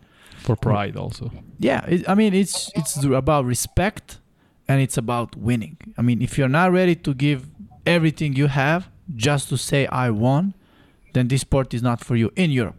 You know, Mhm. there's as I mentioned, there's no other benefit than just feeling great after the game when you win, or if you lose, you know, get ready for whatever is you know getting uh, next in terms of either next season or next game and just learn from from your mistakes so it's a really special group of guy uh, guys who are playing football in, in in serbia you know and i think it's i mean i would pay money to to watch you know guys who who are really giving it the, their best uh, at, at any sport you know and just knowing that you watch people who just played for for for the you know passion and and uh, just wanting to win you know so i think it's it's pretty special and any other sport you know guys play for money Yeah. No, that's very well said. Actually, it's very uh, inspiring and beautiful what you just said, both of you. And Alan, thank you so much for your time. Good luck tomorrow, and I can't wait to watch the match. Thank you so much for joining us. see you tomorrow coach Thanks. All right, Coach. Hey, good luck tomorrow. thank you A sada na srpskom da nastavimo, da uradimo Q&A. da možemo Možemo, uh, samo ću zamoliti Srđana da donese laptop. To je, znači, Srđan veliki fan. Uh, Srđan veliki. Pa, fan Green Bay Packersa. Kako drugačije ga zovemo? Ga- ne to je okej može veliki srki srđan veliki srđan veliki zvuči onako istorijski i Jel da? mitski Pa da, kao Aleksandar veliki, pa taj fazon, Da, da, znaš. da, da. To, je, to Upravo je to. to. Jedino taj, taj fazon. Prvo to. Da, ajde onda da pozovemo sve ako imate neka pitanja. A, Da, pa- slobodno a, predaj meni uh, štafeta, Jimmy-u okej. štafetu. See you guys. Da. Dobro. Onda ja samo da se... Bože, imam pitanje Imam od pitanje. Danila, hoćemo samo da se upali. Može, pitanje, slušam. Hoće da bude klube u, u Brownsima, kada Watson bude Ko će biti quarterback Cleveland Brownsa pita Danilo kad bude Deshaun suspendovan i na koliko, mislim ja prvo mislim da će biti suspendovan godinu dana iskreno, to je moje mišljenje mislim da NFL neće popustiti od toga, ko će biti quarterback biće Jacoby Brissett. Jer trenutno je on na rosteru i čini se Joshua Dobbs, koliko se sećam, tako da mislim da je Brissett koji pričali smo o tome već bio starter u, i u i Patriotama, da je samo logično rešenje, da je zato dovede. Mislim da su i Brownci do nekle znali da će doći do ovoga, i da samo iz tog razloga su i potpisali Briseta, neko ko je da kažemo uh, sličan načinu igre kao Deshaun Watson da bi mogao pre svega playbook da bude relativno sličan da sad ne mora dolazi do neke drastične promene. Sad ne znam da li ti slažeš s time Jimmy, ali mislim da je to jedinako logično bilo rešenje za Brownce. Pa, um, Brissett nema tu mogućnost kao Watson da produži play. Definitivno. Nema taj playmaker uh, ability, što se kaže. Brissett je quarterback koji može da iznese game plan, ali ništa više od, uh, od toga. To je, to je moje mišljenje. Uh, što se tiče nekih onako karakteristika njega i Dešona Watsona, ako stavimo da ih poredimo, ne bih se ja baš složio da su slični, u smislu, uh, mali, ok, što se tiče playbooka, Neće Da, biti sad jedan i previše drugi mogu da- od Neće. toga. To je tačno. to je tačno. Neće i u kombinaciji sa, sa uh, Hobsom, uh, kog zaista vidim kao backupa backupa. Pa da, on za practice squad taj fazon. Pa da, ili ono, za ne, ne daj Bože situacije.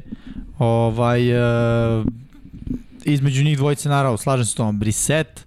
Uh, volao bi da to bude Deshaun Watson, da se razumemo odmah, jer mislim, to je zanimljiva onda divizija i, i ludilo. Mnogo, O, mnogo kvalitetnije. Da, da, da. Ali ovaj, e, i Brissett može da ih ono, da prespoji jednu sezonu. Mislim, to je ideja. Brissett A, je... morat će, misli, to Da. neko mi deluje jedino, ako stvarno to jest ako bude bio suspendovan na godinu dana i nadam se da ćemo dobiti i odgovor na to u narednih, to jest makar do kraja jula koja će biti situacija sa Dešom Watsonom što se tiče suspenzije. Ali da, mislim će on morati da bude taj starter makar godinu dana. Tako je. A, a, a, a, um, ajde, Uh, ovako. dok ti nađeš, mm -hmm. ljudi pišite, e, meni inače bio sjajan razgovor sa Alenom, ja nisam znao čoveka pre i nisam ni znao da je zapravo Amerikanac, inostranac i glavni trener Val Borsa i meni je bilo veoma cool da se upoznam sa njim i kako način koji on razmišlja i pogled za, sutra, za sutrašnji meč. Tako da nadam se da, ste, da je vama ljudi bilo zanimljivo, postavite šta god, koje god pitanja, lajkujte, subscribeujte, podelite obavezno, pridružite se kao Patreoni, a, a sad dok Jimmy bude našao Da, evo jedna zanimljiva informacija, ja sam to čini mi se krenuo da kažem da će da, Brownsi će u nedelji broj 1 plaćati Bakera preko pola miliona dolara da probadi pobedi. Mislim, na kraju se svodi na, na to. Naravno, ukoliko Baker bude starter, Starter, da, broj da. 1. A, Lecler Jovanović, da ste na mestu Karolini da Baker hipotetički odigra dobru sezonu, da li bi mu dali 30 miliki ugovor ili bi išli na draft, pobirali projekat Kube, jer Panthersi nisu gotova ekipa koja fali samo Kube. Pa za, zavisi koji bi pik imali na draftu. Mislim da toga pre svega zavisi u smislu ako budu bili top 5 pik, ako budu igrali loše, mislim da prvo onda Baker znači da nije igrao na tom kvalitetu da zarađuje 30 miliona. Ako Panthersi nekim čudom budu 8-9, ok onda. Onda je to stri, onda je to za to je Baker zaslužan i zaslužuje da ima 30 miliona po godini, pogotovo kad gledamo da je sad za vrhunski quarterback koja je cena 40 pa nagore. Mislim da je 30 onda ok sa Bakera ako bude imao takvu sezonu. 7, 10, 8, 9 da je napredak u poređenju sa prošlom. Da, zna- znaš kako ja to gledam? Uh, ok, koji si pik na draftu bitno je samo prve dve godine. Nakon toga već imam uzorak. I nebitno koji si bio pik na draftu, jer, jer to znači da Tom Brady ne zaslužuje nikada da bude plaćen, pošto je bio pik sedme runde. Ne znači. Čovjek je najbolji, Šeste. najveći quarterback, šeste, da, šeste runde, izvinjam se. Čo, čovjek je, ono, možemo sada da diskutujemo, ali jedan od najvećih quarterbackova u istoriji, verovatno i najveći ikada. Mm -hmm. Uh, znaš, do kog momenta se osvrćemo na draft? To je kao ono kada izađeš na tržište da tražiš posao. Do kog momenta je bitno kakav si bio student? Ako imaš Uh, 15 mislim da je godina... do ruki ugovora samo bitno zapravo. Da pr, znači prvi naredni ugovor da je to jedino presudno, nakon toga stvar ne, irelevantno, jer vidiš do, Cam Newton dobija druge prilike, na, zato što je bio prvi pik na draftu. Cam Newton bio MVP lige. Odvoje Karolina Da, da, Super Bowl. Ali opet ni to više nema značaja. Ovo je liga šta si ti uradio za mene u skorije vreme. Kako vi- si bio prošle sezone, Vidi, to je logično. to. Po meni to je sasvim logično. Jeste. dokle ćemo više se osvrćemo šta si radio kao klinac. Ono. da, da, Da li si piški u gaći do sedme godine? Ne, mislim, to, ali to je bukvalno to. da, Ne, da. sad već imamo odličan uzor za Bakera Mayfielda. 60 utakmice je to. Jel malo? 59 kao starter. Tako je, to uopšte nije malo. Tako da on treba da bude plaćen na osnovu toga šta bude uradio. 30 miliona meni zvuči previše. Trenutno da. Za 30 miliona on mora Karolinu da odvede u playoff. To je moje viđenje situacije. Ti jesi rekao su gotovo rekao i plaćam 40, meni i to previše. Mislim da su to besmislene pare. Ovaj, ali ok, očigledno inflacija radi svoje, pa a, bogatim američkim milijarderima koji su vlasnici NFL franšiza to deluje kao ok iznos. A, tako da, šta znam, meni kažem, 30 miliona za njega na osnovu ovoga što smo videli deluje kao, ono, ne znam, da je osvojio loto. Ali ok, može, može da se da se i to desi. Lecler Ivanović samo prepravi malo pitanje, zapravo umesto uh, projektom Kubea sa drafta doda ili bi išli sa Koralom. To smo, to smo već rekli. Ne, ne znam, moj odgovor na ovo pitanje je ako ima dobru sezonu, zavisi od da bi draft klase, isto. Od Mada- sledeće godine. Pa da, Pa bi si sledeće godine će draft klasa biti poprilično bolja nego ove godine. Mogu Da. da, garantujem da će top 5 biti Bryce Young sa Alabama i CJ Stroud sa Ali onda Ohio opet- State. ajde da, da evaluiramo tu situaciju. Imaš uh, Bakera i, i, i Darnolda koji su sa iste godine pik broj 1 i pik Tako broj je. 3, je li tako? Tako je. Imaš Korala, Tako pika je. od prošle godine, Kotrbeka, tvog pika i sad kao draftuješ još jednog u prvoj rundi. On, šta radiš? Na, na šta je stvar? To baš deluje ni- kao ono ni haotičan Baker, plan. ni Sam Darnold nemaju ugovor nakon ove godine. Ne, ne, to je okej. Okay. Slobodni agenti. To je okej, okay, ali previše si u priči imao, previše si u miksu imao potencijala od kog očigledno nisi izvukao ništa. I, i šta generalno mislimo o ekipama koje godinu za godinu draftuju quarterbacka? Znaš, mislimo da malo onako... Da su, da su draftovani u prvoj rundi, mislim, ipak ni Sam Darnold ni Baker nisu njihovi projekti Matt Corral može biti. Ok. Vidjet ćemo, on je draftom kasnije runde svakako, ali ako bude Karolina bila lošija, što zna, prvo znači Matt Rule dobije otkaz. Ako budu imali top 5 Verovatno. pik. Što znači novi trener, novi sistem, on bi, on bi želao svog quarterbacka. Što Ok. je logično, ne, ne verujem da će uzeti i vratiti Bakera ako Baker bude prosečan, zašto bi plaćao nekog quarterbacka 20 miliona, 25 ako možda draftuješ nekog klinca koja će imaš top 5 piku. Da, ali opet sve zavisi ko bi preuzeo ekipu, znaš. Yes. Evo sad pričamo o tome, novi trener hoće svog Ovo quarterbacka. da, ne Da ti znam. postaješ novi trener Baka Nirse bi rekao Brady cut, ajmo novog. Ne. Ako, e sad, Pitanje vidiš, spomenuo si Bakse, da Brady ide u penziju Dobro? naredne godine, ja bi ozbiljno gledao u Bakera. Zato što Okej, taj ali roster je, smo- jes, da. otišli smo daleko, ali taj roster je mnogo spremniji da osvoji, da pobedi sada, znači sad makar za playoff, nego roster Karoline. I ima neko treba koji je već spreman, naš, koji je već u NFL-u određen broj godina i mislim da bi to imalo meni više smisla nego da Baker onda ostane u Karolini. Dobro, da, to je već ono uh, dve godine, dve sezone cele, da, da. da, da. celu jednu sezonu od sada, pričamo o ono drugoj sezoni od Bukvalno. od, od, od, od momenta o, u kom se nalazimo, ali ovaj e, eto, to je neko naše mišljenje za, za Bakera Mayfielda. Mislim da će biti tu dosta podeljenih mišljenja. E, što se tiče Bakera Mayfielda iz prostog razloga što je upravo to, neistražena teritorija. Niko ne zna znaš, šta je van koleđa njegov e, njegov domet. Pa da, Jer, imao je dobre dve godine, prvu i treću, dve grozne godine, drugu i četvrtu. To je što je bio prvi pik na draftu, stavlja ogroman pritisak na njegu u smislu očekivanju su nenormalna. Ti kao prvi pik na draftu, kao kvotere, očekuješ da budeš ne znam, 5-6 puta pro bowler, all pro igrač, da si konstantno top 10, top 5 quarterback, to su neka očekivanja i to Baker nije ispunio i mislim da nikad neće ispuniti. Što ne znači da ne može bude dobar, kvalitetan startni quarterback, neki 15. 16. 17. ranger u ligi. Da. Mada danas je takav trend da je, kao što je e, trener Wild Borsa rekao, nema strpljenja. Jasno. nema strpljenja, niko, sve, svi hoće sve i odmah i prosto, da, Aaron Rodgers je odličan primer, definitivno. Uh, kraj liniji Tom Brady i on je, mislim, presedeo Sedeo. celu jednu sezonu, pa se uključeno pola druge. Znaš, nije, nije čudno uh, što, što je to negde, mislim, uh, formula. Pričamo o tome koja je razlika u brzini, pričamo o, o tome da koliko god da je... Mahomes je sedeo godinu dana. Da, Mahomes koji je realno najbolji quarterback u ligi je sedeo godinu dana iza Alex Smitha. da. Tako da Značilo ono, mu je. nisu ni svi spremni da odmah prvi dan uh, sednu za, za, za, za, za volan i da, i da preuzmu kormilo. Ok, uh, Uroš Jovanović, ko će biti starter u Steelersima, Trubiski ili Pickett? Mm, Mogu ja kažem? Može. Trubiski. Ja isto mislim da će to Zašto to vodi. Tomlin? Tomlin nije taj ko, ko, trener i još jednom se osvećam na ono što je uh, trener Wildborsa Wallstrom rekao. Uh, njemu nije, ne gori pod nogama. On može da ima i dve onako sezone, tek će treće da mu kažu, ej, Mike, ovo je već sad Pa, to moramo da razmislimo. koji nikad nije imao gubitničku sezonu. Mislim. Tako je. Tako da mislim da je Trubiski definitivno odgovor. Uh, Trubiski je doveden pred drafta, Jeste. tako da, znaš, to, to već znači da su ga želeli. Uh, ok, prema što saznali da je Baker Mayfield u toj situaciji, ali ok, želeli su ga, bio je na listi želja. Uh, nije Trubiski uh, došao onako iz nebuha, kao posle drafta, aj popunjavamo rupe, treba nam neki Ne, ne, ne. veteran koji će da podigne konkurenciju. Ne, oni su već uradili uh, to pre drafta i mislim da je Trubiski tu zakucan kao, kao starter i to je vrlo pametno, mislim da će Piketa uh, razvijeti, mada ako se osvrnemo i na potez Uh, upravo uh, Tomlina, tako, koji je bio Dobro. head coach kad je Roethlisberger. Nije. Nije, Nije, nije. Da, Bill Cowher je bio, Bill tako. Da. Da, okej, okej, okej, Bill da. Cowher je bio... Ok, super, onda to ide u prilog moje priče. Ide, ide, apsolutno. Kako sam se brzo izvukao. A, dobro. A, šta, jesi ti rekao? Trubiski isto? Da, jel? isto mi slažem se, apsolutno mislim da će biti Trubiski i da će realno Pickett sedeti godinu dana. Nije spreman Minimum. odmah da igra.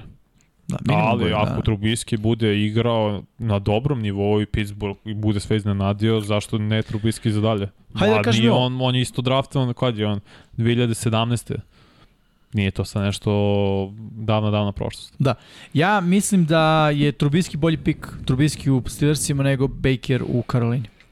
Misliš da će, usp da će imati više uspeha? Veća šansa za uspeh je Trubiski u, u Steelersima. Prosto tim Steelersa je bolji. Jeste. Uh, trener je duže u NFL-u. Ajde da ne kažem Pa bolji. bolje, pa ja bih rekao ali bolje. mogu da kažem i bolji.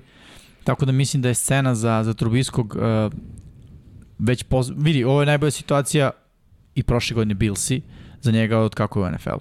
Mislim, sve u Bersima što je bilo, nije bila najbolja situacija za njega, definitivno. Jedne godine su imali to za playoff i kicker, ono, Vidi. I da se desilo, nije to to, svima jasno. A, ali hoću da kažem da prošle godine u Billsima, ono, odlično, imao je kod sebe odličan coaching staff, imao je ispred sebe odličnog quarterbacka, mlađeg, ali quarterbacka od kog je mogao da uči mm -hmm. i da sazreva uh, uz, uz, uz njega i uz to što on može da, da uradi. I sad dolazi opet u jedan zreo sistem, u sistem kome fali quarterback uh, i koji se onako oporavlja. Prošle godine igra trčanjem prilično bila dobra. Mnogo bolje nego 2020, Neuporedivo mnogo, bolja. da. Da. Hvatački korpus je malo osvežen. Da, ima tu imama koji su tu već neko vreme, imali su odličan pik na, u, na draftu. Ovoj, da, u drugoj rundi sa. Georgije, mislim Pritom da će biti end. sever. Friermut. Frajmo ti isto ozbiljno Znaš, potencijal. Mislim da Trubiski možda ima dosta uspeha u Steelersima, neuporedivo više nego što Baker Mayfield može da, da ima u, u Carolina Panthersima. A, Dimitrije Lukić pita da li je sutra prenos utakmice na sport klubu. Jeste, sport klub 4, direktan prenos U četiri. u 4, da. A, New Star pita dokle Cincy ove godine ide po vama. Mm, playoff, ali ne dalje od wild card runde. Uf, baš si ih ocrnio. Pa ne mislim playoff, to je playoff. Mislim, zavisi na koga će da idu, Pa ali, znam, ali ja, ono- da idu na Billse, mislim da bi ih Billsi dobili. Da bi ih prošle sezone dobili da su Billsi prošli Chiefs. I to da s lakoćem. Ja mislim da Ide u Fiokicu. Nije se ide, desilo. nije se desilo, naravno, ali to je tvoja fioka, ali svakako mislim da je ovaj uspeh Bengalsa prošle godine nije realan uopšte. Nije bio, nisu bili oni najbolji ekipa u AFC-u, da, iskoristili su i kikseve, pre svega Chiefsa koji su bili apsolutno ne, ne mogu da opišem igru Chiefsa u tom poslednjih neko, u poslednjih par četvrtina stvarno. Mislim, Ko, totalno su opustili kao ma i lag, lako ćemo mi ovo sve kao da su se zasitili, kao da su već sebe videli u Superbolu, jer smo, a, već, mi smo već to bili, već smo to radili ove koje treće, četvrte godine da igramo finale konferencije i lako ćemo mi to, kad međutim ne. S druge strane su bili Billsi oni gladni, željni, ni, nisu bili u Superbolu od eh, ere, kako se zove Kotrbe koji je tad bio, Stavni kad mozak. su vezali četiri Superbola u 90-ima. Jeste, Jim Kelly, da. da. Tako da su željni uspeha. I mislim da je to samo da iz tog razloga bih, naravno, izabrao i bil se da su prošle, ali nisu, ali svako i AFC je mnogo bolje ove godine. Koliko ko to zvuči sumano, to i bio je bolje prošle i sad je još bolje. Nisu monuto, ali ima, imam jednu vez za tebe. I Bengalsi su bolji. Jesu, ofenzivna linija sad na papiru mm. -hmm. izgleda mnogo, mnogo bolje. Ja njih vidim uh, sada u epizodi Kansas City Chiefsa od ere Mahomesa kad je počela. A to je konstantni učesnici uh, play-offa koji idu do ono, finala konferencije. Uh, već ove naredne sezone mogu da ih vidim u finalu konferencije. Možda ne opet Super Bowl, ali mogu da ih vidim u finalu konferencije. Naravno, zavisi kako će izgledati divizije, s kime će ukrštati. I, imamo se- raspored, ako, bud, ako budeš imao vremena samo Uf. baci pogled. Ne bi sad, će- Vanja, nisam spreman za NFL raspored. da budem iskren. Da, Ali ovaj da, ja eto imamo suprotna suprotna mišljenja što se tiče uh, Bengalsa. Jel, mislim da ono što, definitivno što Bengalsi neće imati to je taj Super Bowl hangover. Neće, ali Bengalsi što je imao pozitivne stvari su bili u napadu zdravi. Ja ne znam ko je njihov bolji igrač bio povređen u napadu prošle sezone. To se baš redko dešava da svi najbolji igrači i naredne godine budu zdravi. Takav je prosto sport. Da. To ti Dobro, znaš najbolje. CJ Uzoma je bio povređen I na kraju, da. da, na kraju. Ali okej, okay, ono, otišao on sad iz ekipe, Yes. što znači negde govori da su oni videli da je to već uh, vreme za, za razlaz. Okej, okay, ćemo dalje. Mm -hmm. Uh, Uroš Ivanović kao dopu na svom pitanju, da li Piketu može da pravi problem što ima manju šaku i baca sa rukavicom? Mislim da ne. Pa ne Mislim bi da, trebalo. da, ja mislim kao neko ko je igrao, znam kakav grip na rukavicama može da bude, to je nestvarno. Tako da onaj ko se navikne da baca sa rukavicama, Uh, ne, ne vidim, upravo to može da ima veze jedno sa drugim, da ako imaš manju šaku, koristiš rukavicu koji imaju fenomenalan grip uh, i to ti onako daje dodatnu čvrstinu na, na, na lopti. Tako da mislim da to ne može da pravi neki preterani problem. Mislim, aj gledamo s druge strane, ako mu pravi problem, to bi prvi on znao skinu rukavicu, mislim Logično. ima, ima, ima rešenja što se toga tiče. Đorđe, u kom smeru ide franšiza Baltimora? Nemoj, ne bojte se da će Miksa sada vas hejtuje. Nije to. Mm, Mix je bio do skoro tu, ali ne znam, dosta znakova pitanja. Pre svega i ofenzivne i defensivne linije. Ko, u defensivnoj liniji mora da iskoči neka zvezda koju su imali prethodne godine. I na poziciji linebackera. Da će to biti Patrick Quinn, koji se od mnogi njih očekuju, koji sad ulazi u treću godinu svoje čini mi se, koji je bio pik prve runde sa LSU-a, trebalo bi da on bude taj naslednik koji su imali Ray Lewis, dobro, okej, okay. uh, kako zove, pre, nakon njega što je sada otišao u Jetsa, to je otišao pre nekoliko... CJ Mosley. Mosley isto je igrao na pro bowl nivou, sad to očekuje od Kvina. Sa druge strane, napavdu ofenzivne linije je znak pitanja. Lamar će biti zdrav, sada running backovi će biti zdravi i mislim da tu neće imati problema da je, postoji limit opet ono uh, nerazvijenje hvatača, to je prosto ne umeju da razviju hvatača. Koliko će to da utiče njih, da li će Bateman da podigne svoju igru naredne godine, da li može bude hvatač broj 1. Mark Andrews je zapravo hvatač broj 1 koji dominira. Ali opet ima nekoliko znakov pitanja na, u strani Baltimora gde dosta toga zavisi od Lamara i od njegovog ugovora da bi oni mogli da sklope kockice s druge strane u odbrani. Da. Imaju najbolji sekundari, ja mislim, ako su zdravi. Dobro, Eagles imaju dobar sekundari na papiru. Da, ali ovo je Humphrey, mm. -hmm. ovo je uh, Peters, ovo je, kako se zove, ovo je Marcus Williams, ovo je Kyle Hamilton. Jeste, jeste. To je brutalan sekundari. I- Oni bi istina. mogli dosta pokriju, pre svega Hamilton, to nedostatke uh, u linebackerskom korpusu.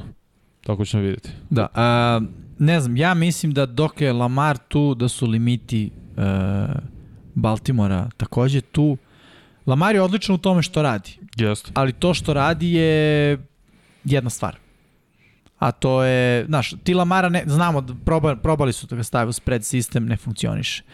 Uh, to je kao da, ono sad, svi voze kola sa klimom, ti dalje forsiraš uh, prozor da se hladiš. Mislim, možda ćeš u nekom trenutku biti... Ako ideš dovoljno brzo, Ako, e, a, e, upravo si dobro rekao, znaš. Pitanje je koliko ideš brzo i moraš da ideš dovoljno brzo, ali šta ako si krenuo na put do Kine? a dobro, Evo, La, za La, Lamar dana. Lamborghini. Šta? La, Lamar je Lamborghini. Pa nije, zato što je Lamar prilično limitiran. Videli smo da ta e, fora sa, sa njegovom rukom i, i, i, i testom šta može nije uspela. Mi znamo šta je Baltimore. Run first ekipa, Jeste. što se pas opcija tiče Mark Andrews. Za defazivne koordinatore to je zaustavljivo. Naš svak, prošle godine Prošle godine je bio povređen i Jest. kako se zove uh, sa Ohio State-a, sad ovaj running back J.K. Dobbins. J.K. Dobbins, Jest, ali upravo vidi, to Gus ti sve- Edwards, a to- Lamar, poslednjih jest. šest, nisu mogli da dobiju. Ali vidi, to ti sve govori da su to sve limiti koji postoje u Baltimore. Znaš, ne igra J.K. Dobbins, limit. Jeste. Ne igra Lamar, limit. Ok, istina, Tampi da ne baca Brady, bila bi druga ekipa. Da Packersima ne baca Rodgers, Videli bili bi smo, druga ekipa. Jordan Lava. Ne, ne, Jedva šest poena. sve, sve to stoji. Ramsima kad nije bacao ovaj, ali, uh, znaš, da li su Baltimore... Uh, uh, Baltimore ne može pobedi bez Lamara. Ne može da pobedi bez Lamara i sa Lamarom, Osam, pa do osam. ok, ali ono, dolazi do nekog vidljivog limita. Šta Uvek je, se šta je desi da... limit za ovu sezonu? Šta je cilj? Ne znam, iskreno nemam pojma. Zato što svake godine se nešto novo desi. Realno su druga ekipa u, konf- u diviziji ako ne igra Dešon. Ako ne igra Dešon, Ako je Dešon suspendovan, ja odmah stavljam Baltimore iznad Cleveland. ok, ako je prva ekipa, što je rekao su druga Saints. ekipa. Bengalsi su prva ekipa, Tu je, da. Cleveland je druga ako igra Watson i Ako Baltimore igra je treća. Dešon, mislim Cleveland može bude prva ekipa, pošto je sad ono, već Da, granica. Da. da. A pi, mislim opet Pittsburgh i taj Pittsburgh ima brutalnu odbranu. Da, da, ima, ima, ima. Stvarno. Nego ajde, tema svoje kažem Baltimore Ravens. Moj, neki, moje neko viđenje je da uh, dokle god je tu Lamar Jackson to, je, to će biti uvek ono, teška odluka, na šta da radiš. Jer ako ideš u njegovom smeru, ti ćeš uvek da radiš jedno te isto, a kada dovoljno dugo radiš jedno te isto, zatvorit ćete. Mislim, i to je, to je neminovno. Ja, već vidimo sve više ekipa koja, naš, Miami je naša način kako da igra, Tennessee pre par godina i zatvorio Lamara Jacksona. S druge strane, da baš niko ne može da zatvori, oni bi sad imali tri Superbola, ali nemaju. Tako da, znaš, ima tu probleme koji idu uz Lamara Jacksona. Koliko god da on dobro radi i odlično radi stvari koje radi, on samo radi te stvari. Mislim da su to limiti Baltimora i to je po meni problem, problem broj 1. Uh, ok, pitanje je Nenad Gvojić. Ko može u play-off kada govorimo o AFC istoku osim Buffalo Billsa? Miami Dolphins. Da, može da deluje kao Miami Dolphins. Dolphins, New England? stvarno. Ne znam. Teško, baš ne znam šta, ne znam. Da. To je opet na papiru sve gledamo, prosto Miami i Buffalo imaju mnogo talentovanije tim, trenutno New England. Da. Nemaju boljih trenera, apsolutno, mada je Sean McDermott isto vrlo, vrlo dobar trener. Ali ja bi dao i argument da i Jetsi na papiru imaju više talenta od Patriota. Kad Da. staviš i mene i sve to, tako mi deluje sad i mislim da će da Jetsi na tek dolazi za par godina na njihovo vreme. A ovako, ako Tua napravi konekciju sa Vadlom, ko što već ima, ili, ali pogotovo sa Tyreek Hillom, Mm. to će biti mnogo teško da zaustaviš. Jeste. E, To samo ću da se nadovežem sa još dva pitanja. E, još jedno od Nenada Gvojića. Vezana su. E, želeo bi da Jetsi budu konkurentni, ali imaju mnogo težak raspored, mnogo su se pojačali off sezonu, to je ovo što si ti, Yes. i ti rekao. I Lecler Jovanović koji je rekao šta očekujete od Patriota ove sezone, po izjavama saigrača, Mac Jones je znatno sredio liniju i svaki dan provodi sate studirajući film o protivnicima. To je nekako AFC isto kad smo ga se već dotakli. Jeste, vidio sam slike te, mislim, Mac Jones fizički izgleda, izgleda mnogo bolje sada, ali to opet nije da ne mora ništa znači, znači za quarterbacku, ali nije to sad presudno. Mislim da imaš, uh, ne znam, trbušnjaka ili šta god za poziciju quarterbacka. Jedan Tom Brady nema, mislim, ben, Big Ben nema, nikad nije imao, Da. ne znam, Rivers itd. itd. Možda nabraš koliko hoćeš, Eli Manning, Peyton Manning. Eli tek nije imao. Da. Nisu imali, a brate, imaju u glavi, znaju da igraju. To je stvar. Mislim, Mac Jones mi deluje da ima u glavi, što na to Da, da, hoću da, na, da navodim. I nije mi ni čudo što je konstantno ceo off-season i gledao film i radio na sebi. Mislim da će biti poprilično bolji u drugoj godini, iako je bio dobar u prvoj. Ali opet New England ima ozbiljan limit što se tiče talenta.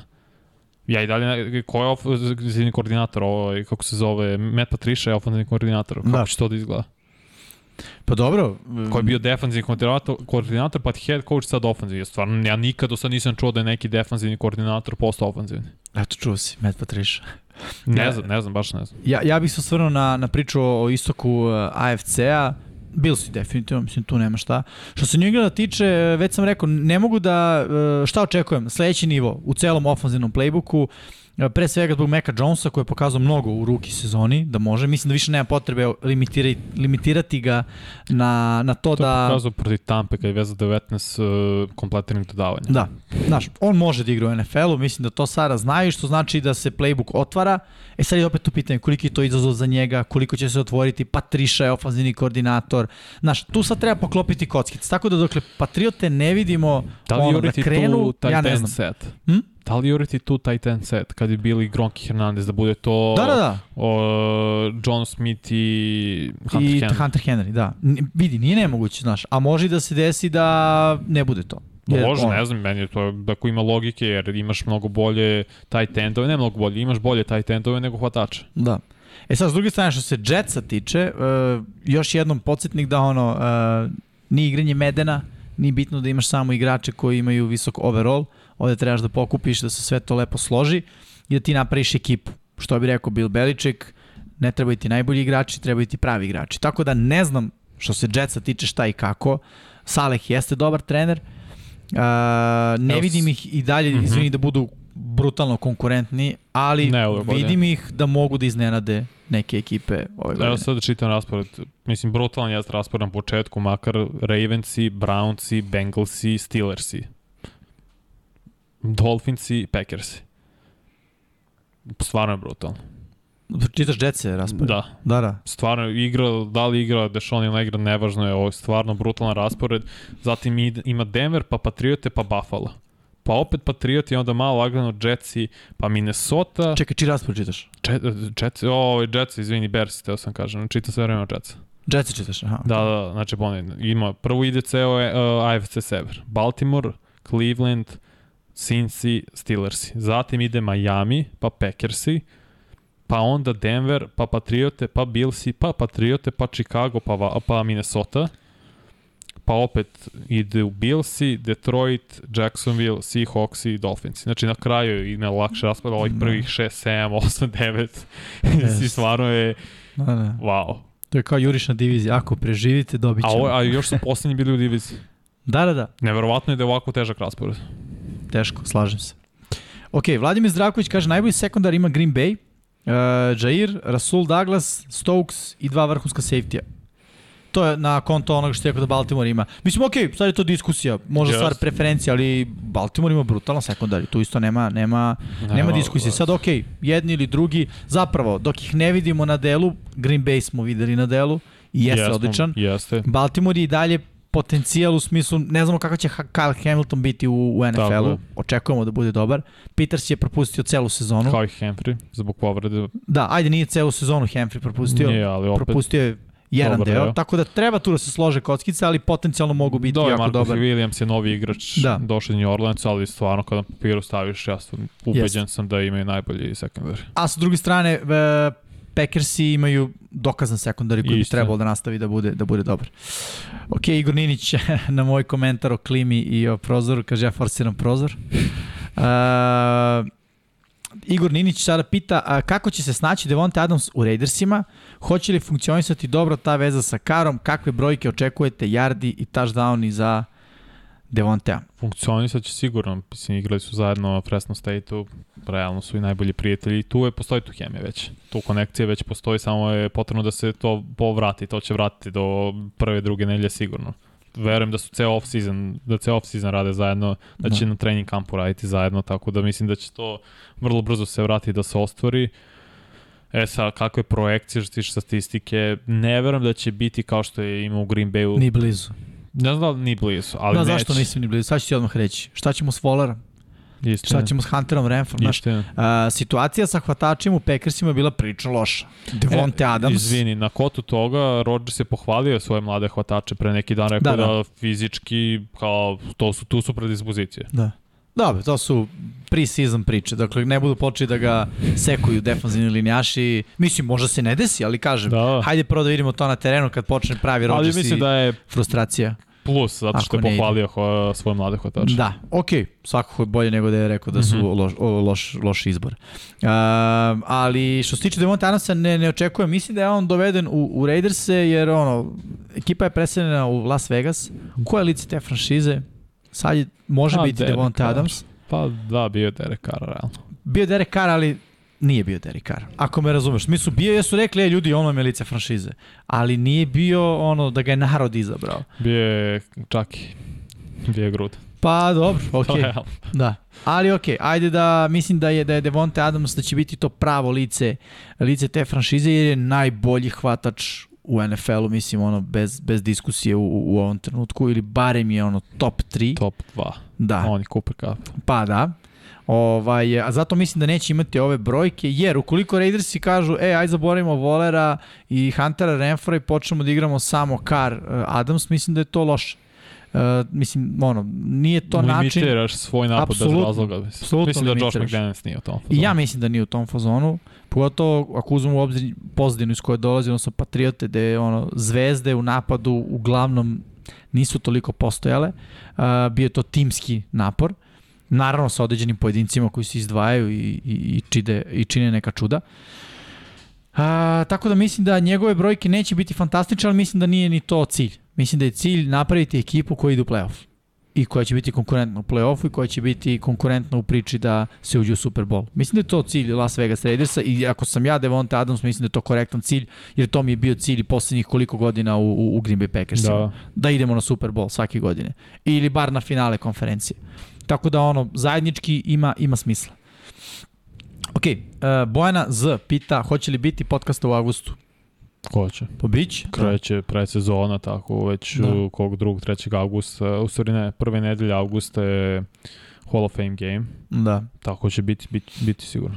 Biće, biće, da. Radit ćemo sada, možda bude bilo neka pauza od nedelju Pa, dana ili možda, nešto. To prošle ali... godine smo imali onu pauzu Jest. u julu, je to bilo zapravo ceo jul, Tako ali je. sada možda to nedelju, Da. dve maks, jel to je Trenutno to? nemamo u planu, ajde to Ne, da kažem. ne, ne. Da. Tako da eto. I pozdrav za Bojanu kao jedinu devojku koja je, bar u komentarima. Uh, Stefan Šoškić, šta će biti sa Kemom Newtonom? Ne znam. Ja mislim, da je to to. Da, sla, mislim da je njegova NFL karijera gotova. Imao je neki komentare da poslednje dve situacije gde je bio, mislim na Karolinu i na New England, da kao situacije su bile loše po njega, kao nije bio pravi izbor da je on pogrešao, mislim ne znam kako moglo da bude loše, imao je dovoljno vremena da se spremi za obe situacije, ali mislim da je to to što se tiče Cam Newton, ne vidim kao backupa njegov stav, njegov karakter, Da. njegov ceo imidž mi je Mislim da on prosto- pregovara samo o tome da bude starter. Zato duži deo prošle sezone nije imao ekipu. Pa da. Tek kad se otvorila prilika, on je došao Možda ako se otvori prilika ponovo. Pa možda. Mislim. Mislim, Cleveland. ono, pa da, ne znam, ne znam. To je baš ludački. Seattle, eventualno, mada i oni, mislim, imaju, oni nisu teli Bakera. Imaju tri quarterbacka, Gino Smith, Da. uh, Drew Locke i kako se zove treći, i Jacob Eason, čini mi se da je tamo. Mm, zanimljivo. Mislim da jeste. U svakom slučaju, meni bi recimo Garoppolo u Seahawksima bio zanimljiv Pa da, da gledam. Ali mislim da DK Metcalfu ne bi bilo zanimljivo. ne bi uopšte. Touchdown, to je. Ne bi. Ali mislim da bi bio, ne znam koliko bi bilo zanimljivo da gleda Kema, koji ne može da mu doda, ali A, da, da, da, to tek ne je bilo zanimljivo. Ok, Dimitrij Lukić, da li Dallas treba da proba da dovede Hulija, jer mislim da kubure sa hvatačima. Zanimljivo. Da. Dimitrij je jako zanimljivo. Odlično. Jerry Jones voli velika imena. Ali Jerry Jones nije htio plati Von Millera, vidiš. Nije dobro ne hvatač, edge rusher, ali Von Miller rekao ko ja sam teo da igram za Dallas, ali, ali- prevelika razlika bila u ceni para. Da, Jerry nije teo da se otvori, možda nije više ni mogao da se otvori zbog kepa i svega, ali opet. moguće, a i sa druge strane, Dallas prošle godine je bolja odbrana nego, mogu reći, ikada, ikada, nego u poslednjih 4-5 godina, sigurno.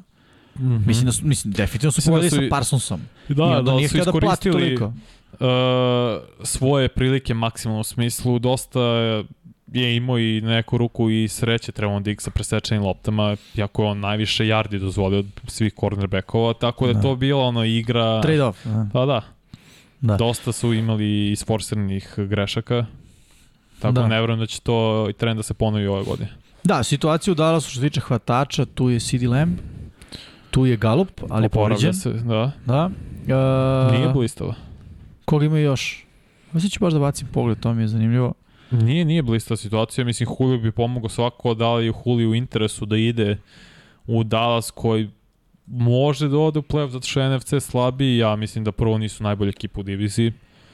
Mislim da su Eaglesi na papiru što se tiče talenta mnogo, mnogo bolji, ali aha, Da, evo, htio sam kažem, James Washington je u Dallasu. jeste da iz Pittsburgha. To je, Pa i dobro, sad. ali moram priznati da su ostale imena, evo, pročitat ću ih, ako si za jedno čuo, svaka čans, Jalen Tolbert, TJ Washer, Ty Fry Foggy, Cool. uh, Noah Brown, Brandon Smith, Dontario Drummond, Simi Fehoko, Dennis Houston i Jaquari Robertson. Nisam čuo. Treba im Julio. Da li Julio potreban Dallas, to je drugo, kao što se rekao. Jedini, de, jedini stvari gde je Dallas bolji od File je pozicija quarterbacka. Najvažnija pozicija svakako. Ti mi za Julio razmišlja o Fili? Ne, ne, ne, ne, nego Aha. poredim dve ekipe koliko je zapravo Dallas potreban na Julio, jer ako će Fila da uzme diviziju, Dallas može da uđe u playoff. Mislim, to, je opet- to je opet neko 6. 7. mesto. Jeste. Zato što... Ili četvrto, ako budu prvi. Ja ne vjerujem da će biti prvi diviziji. Pa, To zavisi dosta zapravo od igre Jalen Hurtsa.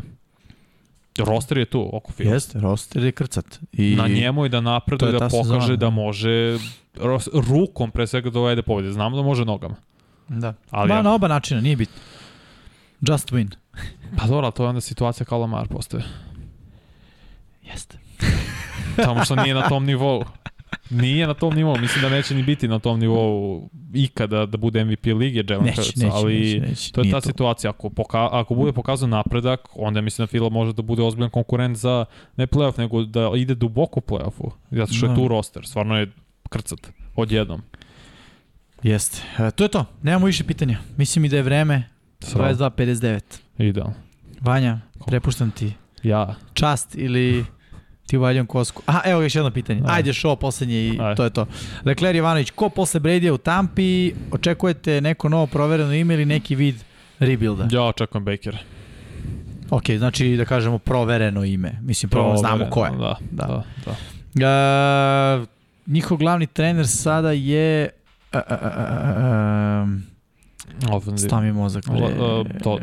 Todd, da, Todd, Todd Bowles. Da. Leftwich i offensive. Jest. To, Todd Bowles i ako uzmemo u obzir Todda Bowlesa kad je bio u, u Jetsima, šta znam, mislim da njemu treba kotrije koji može da ono, get the job done.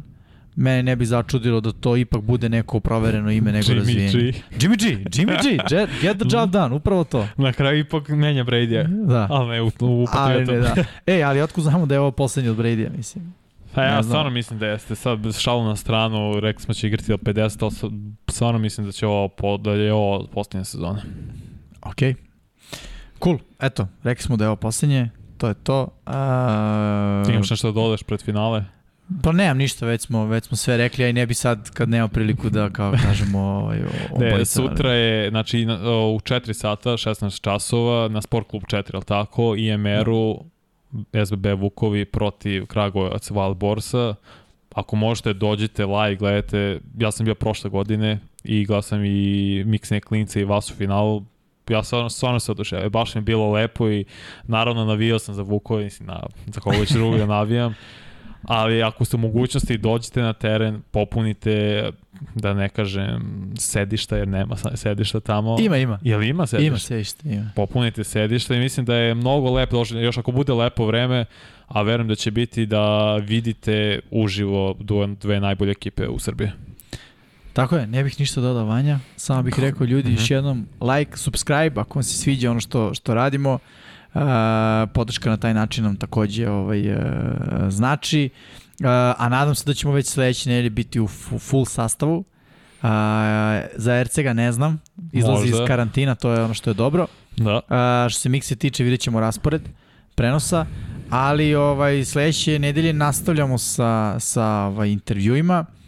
Uh, tako da eto, pratite Infinity Lighthouse kanal, pratite 99 Yardi i To je to to. to. Uživajte ljudi, laku noć i da, dođite sutra na utakmicu koja je u Beogradu da se vidimo na tribina. Slobodno mi se javite, uh, mahnite, neka lozinka bude 99 Yardi. Odlično. da, Odlično. i to je to ljudi.